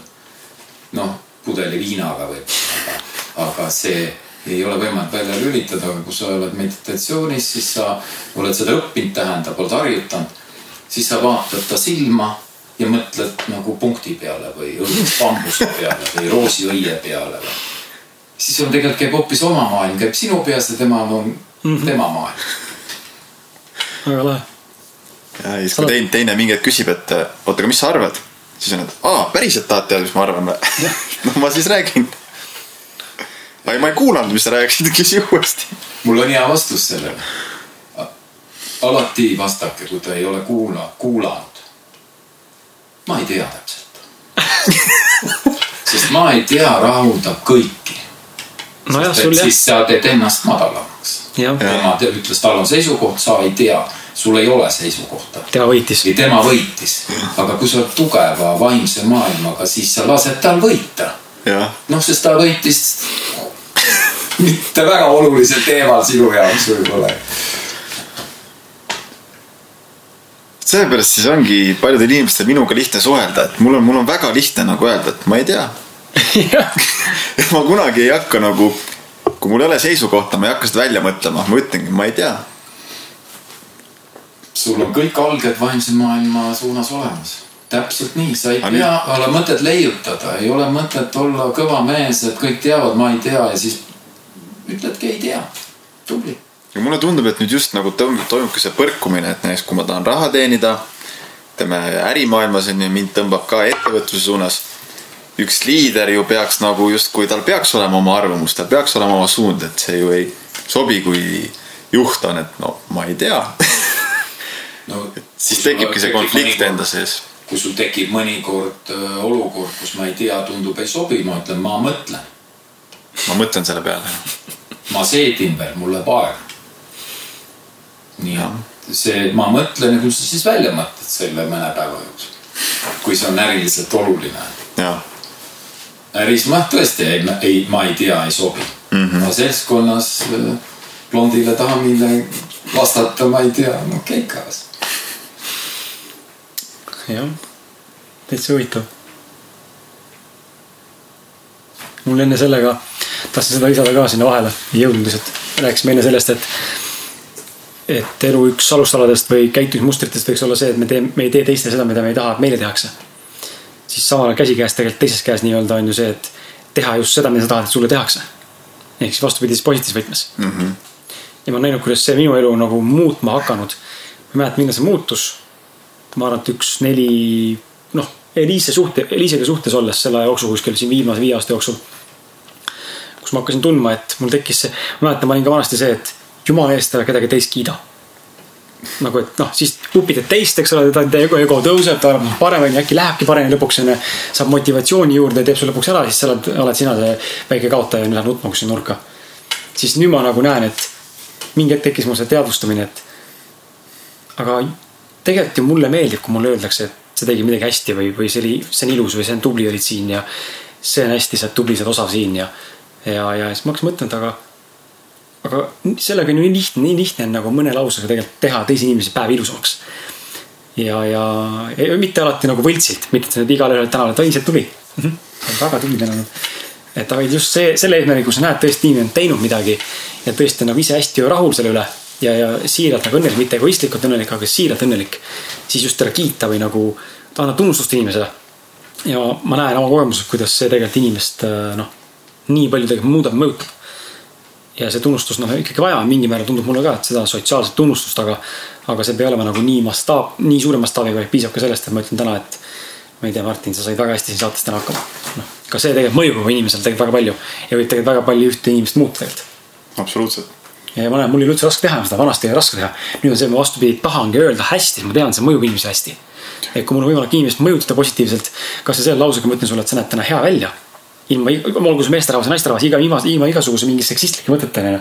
siis tegelikult see on ju siiras tunnustus, kompliment ja see tegelikult võib-olla aitab inimest, kellel on võib-olla eneseväärikuse probleeme või on probleeme mingi muu asjaga, eneseteostusega. kasvõi tegelikult väga paljud, äh, just mu see tüdruk Anja, eks ju, on mm -hmm. rääkinud seda.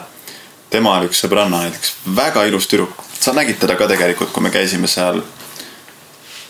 oota, ma nüüd ei tohiks võib-olla jah, ma ei lähe detailsemaks, et noh, kuigi ta ilmselt ei kuula seda saadet niikuinii, sest ta räägib vene keelt, aga.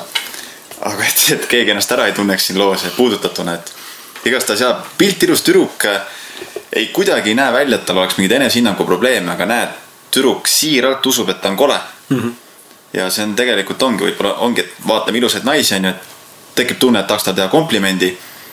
aga ei tee seda mõtted, et no niikuinii ta ju teab, et ta on ilus, onju, aga tegelikult kunagi ei tea, mis inimese sees toimub, onju, et tegelikult inimene võib-olla, ma ei tea, tal ei ole kunagi sisendatud seda, et tõesti oled ilus, onju. et just, et nagu väga hea minu meelest, ma ka ikka üritan, üritan teha siukseid siiraid komplimente, kui see tuleb nagu seest. ja just neid vastupidiseid näiteid on ka ju, et on inimesi, kes ootavadki seda, et sa neid kiidaksid, sest nad tegelikult on niigi endast väga heal arvamusel, noh, upsakal arvamusel selles mõttes. ja see tegelikult omakorda hoiab seda nende upsakust juurde mm., mis tegelikult on halb, kui sellise inimese juba sellist komplimenti teha. Aga noh, kuidas seda ära tunda, kes noh, tegelikult selle tunneb ära, sa näed ära, milline inimene on, kas ta on siiras või kas ta on äh, mitte siiras või vilts, eks ole, et. lihtsalt tuli praegu meelde, et, et kui me ei taha teha teistele seda, mis me ei taha meile tehakse, siis samal ajal tegelikult saame teha teistele seda, mida me tahame, meile tehakse.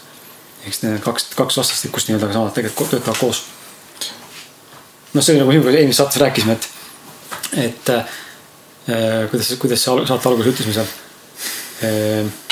midagi sellega, et äh, ärge mõistke teisi hukka, aga samal enda äh, mingi, mingi, mingi pointi, tuli praegu meelde, mul tuli praegu meelde. mingi mõte oli jah, sellega sama, suht sarnane asi, et ei tasu nagu teisi hukka mõista, aga ise tuleb olla äh, avatud ka ja kuidagi mingi sihuke teema.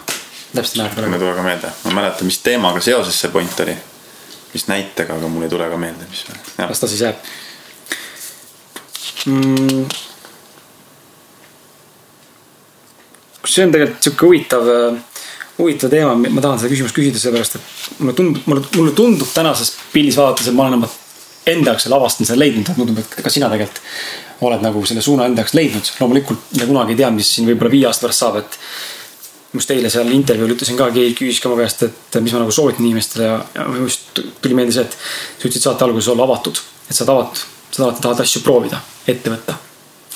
ja, ja ma just eile ütlesin sama asja tüdrukule, et ma soovitan inimestele olla ka avatud just selle koha pealt, et me mitte kunagi ei tea, et see, mis ma teen täna siin, ei ole ka võib-olla aasta-kahe pärast äh, midagi äärmiselt positiivset. või samamoodi tänane negatiivne kogemus või tähendab, tänane positiivne kogemus ei pruugi olla näiteks negatiivne kogemus mingi aasta pärast, me ei tea kunagi, onju et aga olla nagu avatud sellele, mis, mis see tulem, tulem võib olla. aga tahaks võib-olla küsida sinult ka, et kuidas sa võib-olla, kuidas sina noh, oskad äkki selgitada ja noortele nõu anda või üldse ennast tavasta inimese nõu anda, kuidas oleks võimalik ennast leida?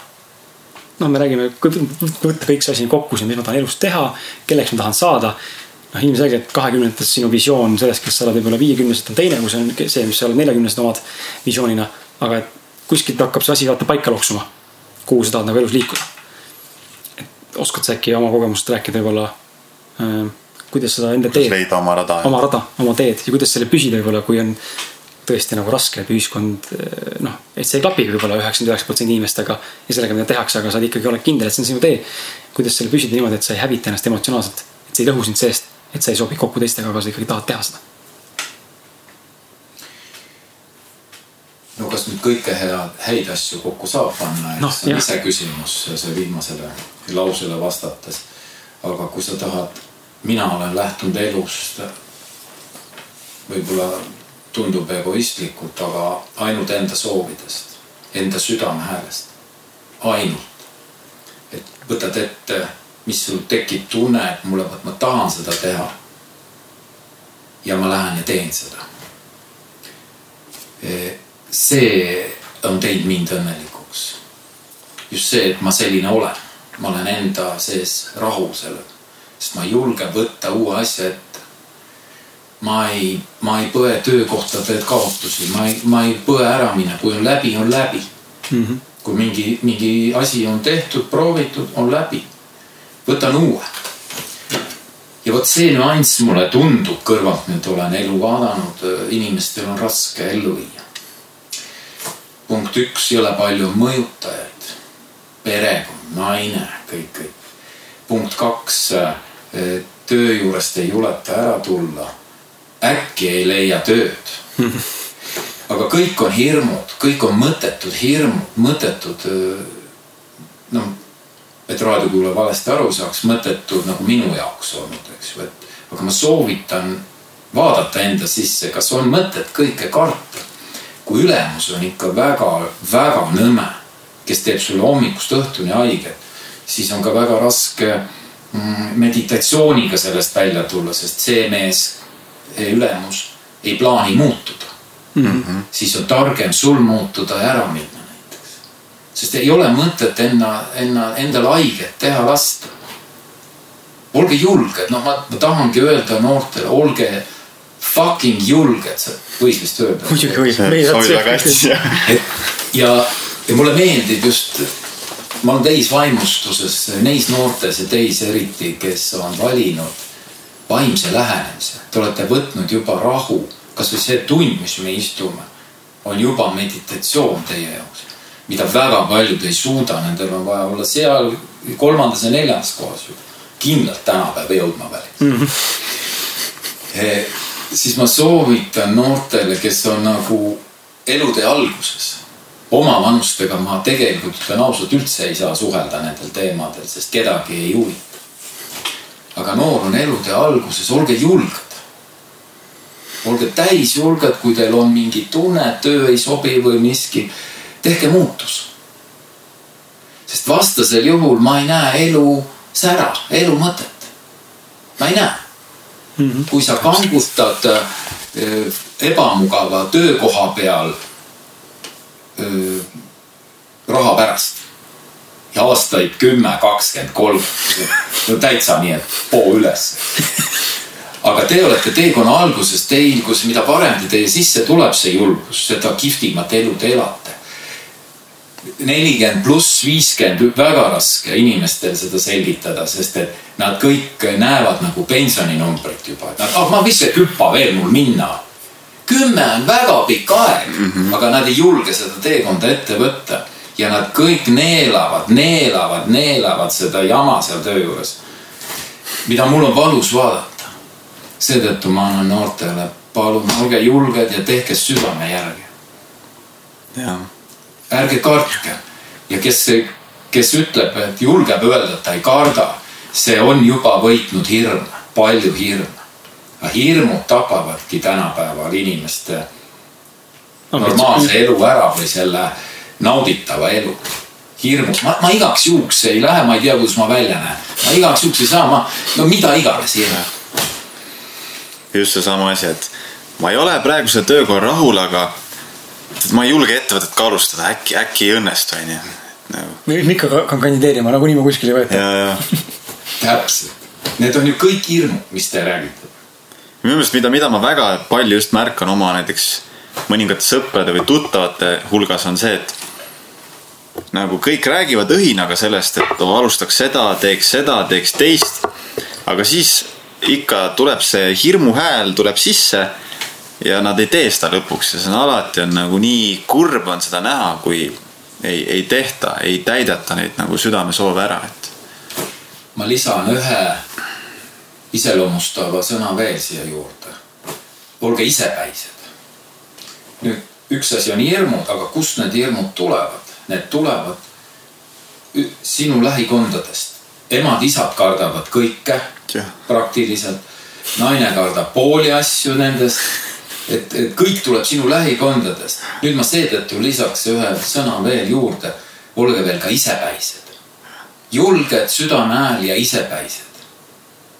sest kui sa lähed ikkagi ema-isa nõuande, siis selge, et sa istud seal tööga juures neli, viiskümmend aastat. Vot jah, mulle on eluaeg öeldud, et ma olen jäärapäine ja ma vist kogu aeg mulle, mulle kunagi ei ole meeldinud see, aga nüüd ma vist suudan seda lõpuks hindama hakata, et see on tugevus tegelikult, et. see on väga suur tugevus. et vahet pole, mulle võivad kõik öelda, et mida sa teed, Martin, nagu mulle sisimas see tundub õige, siis ma pean seda tegema. et. no samamoodi olnud ja sellest on mul tekkinud ka probleeme enda perekonna ja tuttavate asjadega, sest inimesed ei mõista seda. sest ma näen, et inimesed ei ole. Just eile tuleb jälle see sõna meelde, mis sa ütlesid mulle äh, viimane kord ka, et, et see, kui ma vaata väga, väga, väga palju mõjutab ka see, et Eesti inimese arvamuse, ütleme, kujunemisel sinust siis. kuidas sa ennast presenteerid ja kuidas sa ennast väljendad. ja, ja mida tundubki, mida, mida julgemalt ja mida võimsamalt ja mida heas võtmes nii-öelda nagu isepäiselt või siis egoistlikumalt sa ennast nagu endast nagu räägid, aga see kõik tuleb eneseteadlikkusest. Ehk sa tead, milleks sa oled võimeline, milleks sa võimeline ei ole. mida, mida võimsamalt sa räägid ja mida jõulisemalt sa teed seda seda rohkem mulle tundub, et inimesed kardavad seda tegelikult ja, ja tekibki see hirm neil ja tekib see konflikt, et oot-oot-oot, ta tuleb nagu nii tugevalt. mina endast küll niimoodi ei julge arvata. kuule, võta hoogu maha, onju. ära arva ennast nii palju, onju. ja mulle tundub, inimesed nagu kardavad hästi palju seda, kui sa tuled hästi tugevalt ja hästi suure eneseteadlikkuse selle pealt, kus tegelikult sul on olemas kogemus või mingi suhestumine. Ja, ja tundubki, et elude valik, eluliste valikute juures ka, kui ma olen teinud, ma näen, et mul on ka alati see, et mõistetakse alati hukka ja noh, mul on täiesti süva, süvatasandil ükskõik noh. aga minu soovitus on ära karda seda. alguses mind mõistetakse hukka, aga pärast, kui sa oled edukas, siis tulevad järgi mm, -hmm. siis on järgijaid palju. et, et ära karda seda. karta ei tasu jah. just huvitav on näha seda, kuidas tekivadki need konfliktid just sealt mm. -hmm. kus ei julge minna oma rada nagu jah, ja see on nagu tihti, mida ma märkan ka seltskondades, et kõigile meeldib rääkida nagu ideedest, asjadest, et kuidas võiks ja, ja mis on valesti ja tahaks ikka nii ja tahaks naa. aga siis, kui hakata rääkima nagu, et teeme ära või tee ära või tee see muutus, onju. siis on nagu, ma pean mõtlema. ah, see praegu on õige aeg. järgmine kuu alustan, praegu on õige aeg. ma ise olen ka teinud sama asja, ma järgmine nädal alustan. siis järgmine nädal kätte siis. tead, ma alustasin homme. Jõuab kätte, siis ma alustan järgmine kuu. Ehk siis tegelikult inimesed tegelikult otsivad kogu aeg neid vabandusi asju, miks mitte nagu teha. Ja need inimesed minu meelest vajuvadki kõrvalt ära, kes nagu, no meil kõigil on ju mingite asjadega see, et me lükkame edasi või ei alusta, aga, aga just need nagu sõbrad või tuttavad, kes, kellel on iga asjaga see, et nagu nad räägivad, aga tegelikult mitte ühegi teoni ei jõuta, et just nagu lõpuks tekibki see tunne, et noh, ei ole enam midagi ühist lihtsalt, et hirm on nii suur, et elatakse nagu ütlesite, selles hirmu, hirmu selles äh, täiesti mantli nii-öelda all, noh, et mitte midagi ei tehta edasi. jah äh,, et sa, sa ütlesid, Indrek, et, et hästi oluline on olla julge ja olla isepäine, teha, teha enda südametundest lähtuvalt valikuid äh,. aga kuidas nüüd näiteks noor inimene, kes äh, ütleb, et aga ma ei tea, mis on mu südametunne, et mis on nagu see sihuke ego, sihuke impulsiivne mõte, et et ma pean midagi tegema ja mis on nagu see südametunne, et vot seda ma tegelikult tõesti pean tegema, et kuidas, kuidas vahet teha nagu nendel kahel? kas sa arvad, et on olemas noori, kes ei tea nagu üldse, mis on südametunne, neile? jaa ma olen ka kohanud mõnda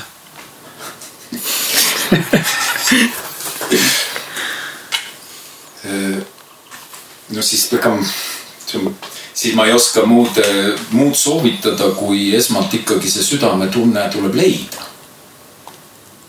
et ilmselt siis, kellel teda ei ole, see on mulle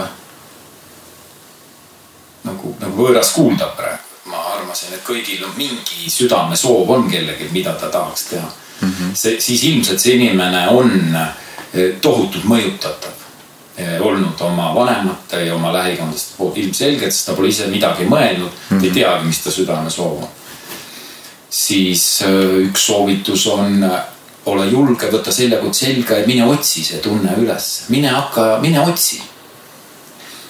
näiteks võta seljakott selga mine lihtsalt jaluta Euroopa linnas, koputa ukselt uksele, küsi, kas tööd on mm -hmm. ja, ja proovid seda, toda, kolmandat, neljandat. ole kasvõi strippar.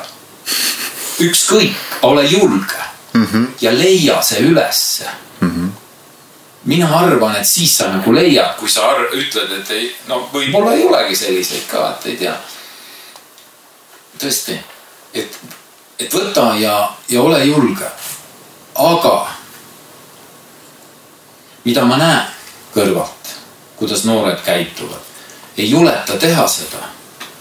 ja minnakse ka, nagu klassikalist rada, võetakse kähku naine mm, -hmm. korteriauto. ja nüüd te juba ise saate aru, mis see ja. võrdusmärgi taga on. ja, ja. suure tähega orjus sest Just. siis on, siis on kõik läbi kui sa selle tee oled valinud, siis on kõik läbi, siis sa südame häält enam ei leia sest sa läksid sinna töösse ja kui sa oled juba neljakümnene või viiekümnene, ma arvan, väga paljud on seda teinud. sinna, siis nad ongi arakesed. võib-olla ka teie ema-isad on äh, mõnes mõttes seal. et nad ei ole julgenud teha õigel ajal õigeid otsuseid mm -hmm.. seetõttu ma väga hindan teie saadet, et noort panna kaasa mõtlema nii et nagu sa tegid, seljakott seljas mööda Austraaliat, tubli, õige valik. ja ma arvan, tulid hoopis teise mehena sealt tagasi, muidugi, hoopis teise mehena. muidugi. või Chris ja Eliise poolteist aastat Austraalias. super enese leidmine, super, super, super. ma ütleks, jah, te olete väga õigel teel, teist tulevad väga kihvtid, edasipüüdlikud, huvitavad inimesed. No loodame noh. ei noh, loota ei ole midagi, ma tean Kindlasti. tegelikult, et tuleb, aga. et eks ta, eks oleks näha jah. noh, muidu korraga meil jäi midagi äkki midagi vahele, on tundub nagu, et hakkab tasapisi, otsa saamas asi siin Jah. vist. et kõik oluline on ära öeldud. maailm on ju ära lahatud. väga tore on olnud vestelda väga tore on jah, alati on tore inimestega rääkida, inimestega, kellega, kellega saab rääkida, me oleme siin Martiniga eelnevalt ka rääkinud sellest, et ülimalt oluline, ma arvan, et ise, iseenese arengu juures on ka oluline see, et ikkagi ümbritsed ennast inimestega, kes suudavad sinuga kaasa nagu mõelda, analüüsida. noh, mul ei ole mõtet minna filosofeerima inimesega, kes lihtsalt ei oska, noh, ta ei ole, noh, ta ei suuda vastata mulle. või räägib mulle ainult sellest, mis on ta töömured või, või, või. Argi kuidas see naine siin vihastas ja mees teda peksis või noh, mingid siuksed täiesti pseudoprobleemid noh et ma tahaks, ma ta, nagu ütlesingi vaata sinule, kui sinu tüdrukuga kokku kohtusin esimest korda. ta küsis mu käest, tema, Martini tüdruk küsis mu käest väga huvitava küsimuse esimesel kohtumisel, et. et mis mulle teha meeldib vabal ajal. ja siis ma nagu korraks jäin nagu vastuse võlgu, ma tundsin, et issand, kui igav ma olen, mulle ei meeldigi teha midagi või nagu ma ei oskagi teha midagi. ja ma loen, kirjutan oma päevikut ja raamatut vahepeal, teen trenni mõnikord ja käin tööl ja okei okay,, aga. ja siis ma hakkasin mõtlema, et ütlesin ta niimoodi talle, et mind nagu mulle ei meeldi inimestega vestelda sellisest, nagu sulle meeldib öelda, see sooja õhu puhumine. Small talk. Small talk ja eks see nagu see, lihtsalt see, lihtsalt räägime selleks, et lihtsalt rääkida, ma tahan väga sügavat ja väga nagu filosofeerivat ja väga mõttelist teksti inimestega rääkida, sest et see on see, mis mind, mind nagu arendab. ja see on see, kui ma tunnen, ma saan midagi vastu, ma saan samal ajal midagi anda ka. et ma ei saa anda inimesele mitte midagi, kui ma räägin sellest, kuidas ma eile ma ei tea, tööl lahendasin mingeid sotsiaalmeedia turunduse mingeid, noh mind ei huvita, ma isegi ei taha rääkida sellest, sest mind lihtsalt ei huvita mm..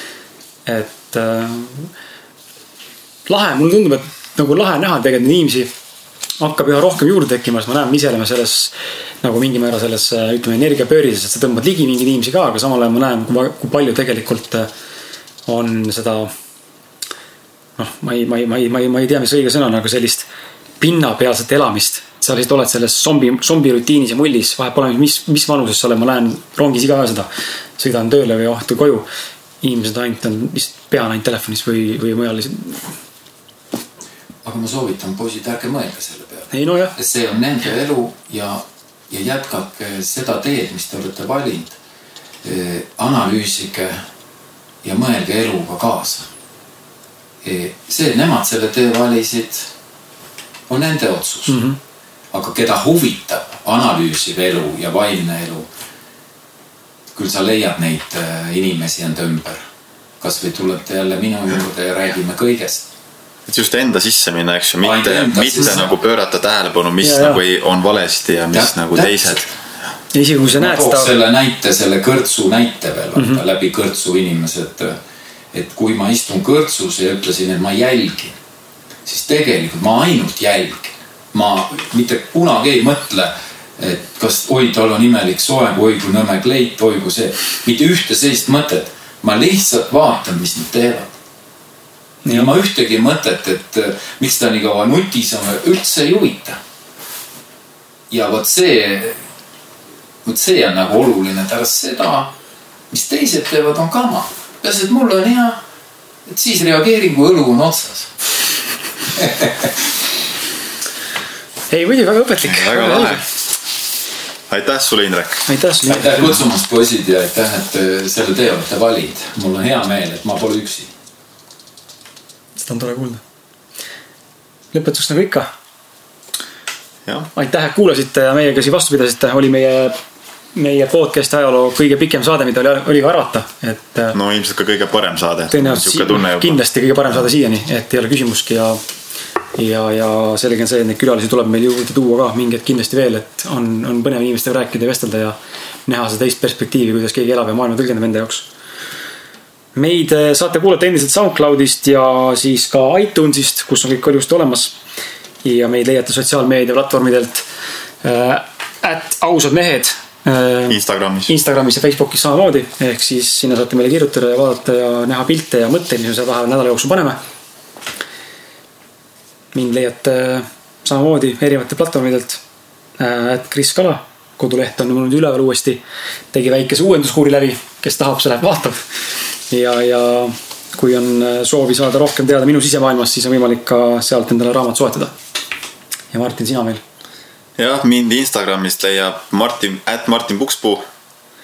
seal enamasti on treeninguteemaline, aga tegelikult ma tunnen, peaks rohkem hakkama nagu iseennast sinna ikkagist ka sisse panema, et.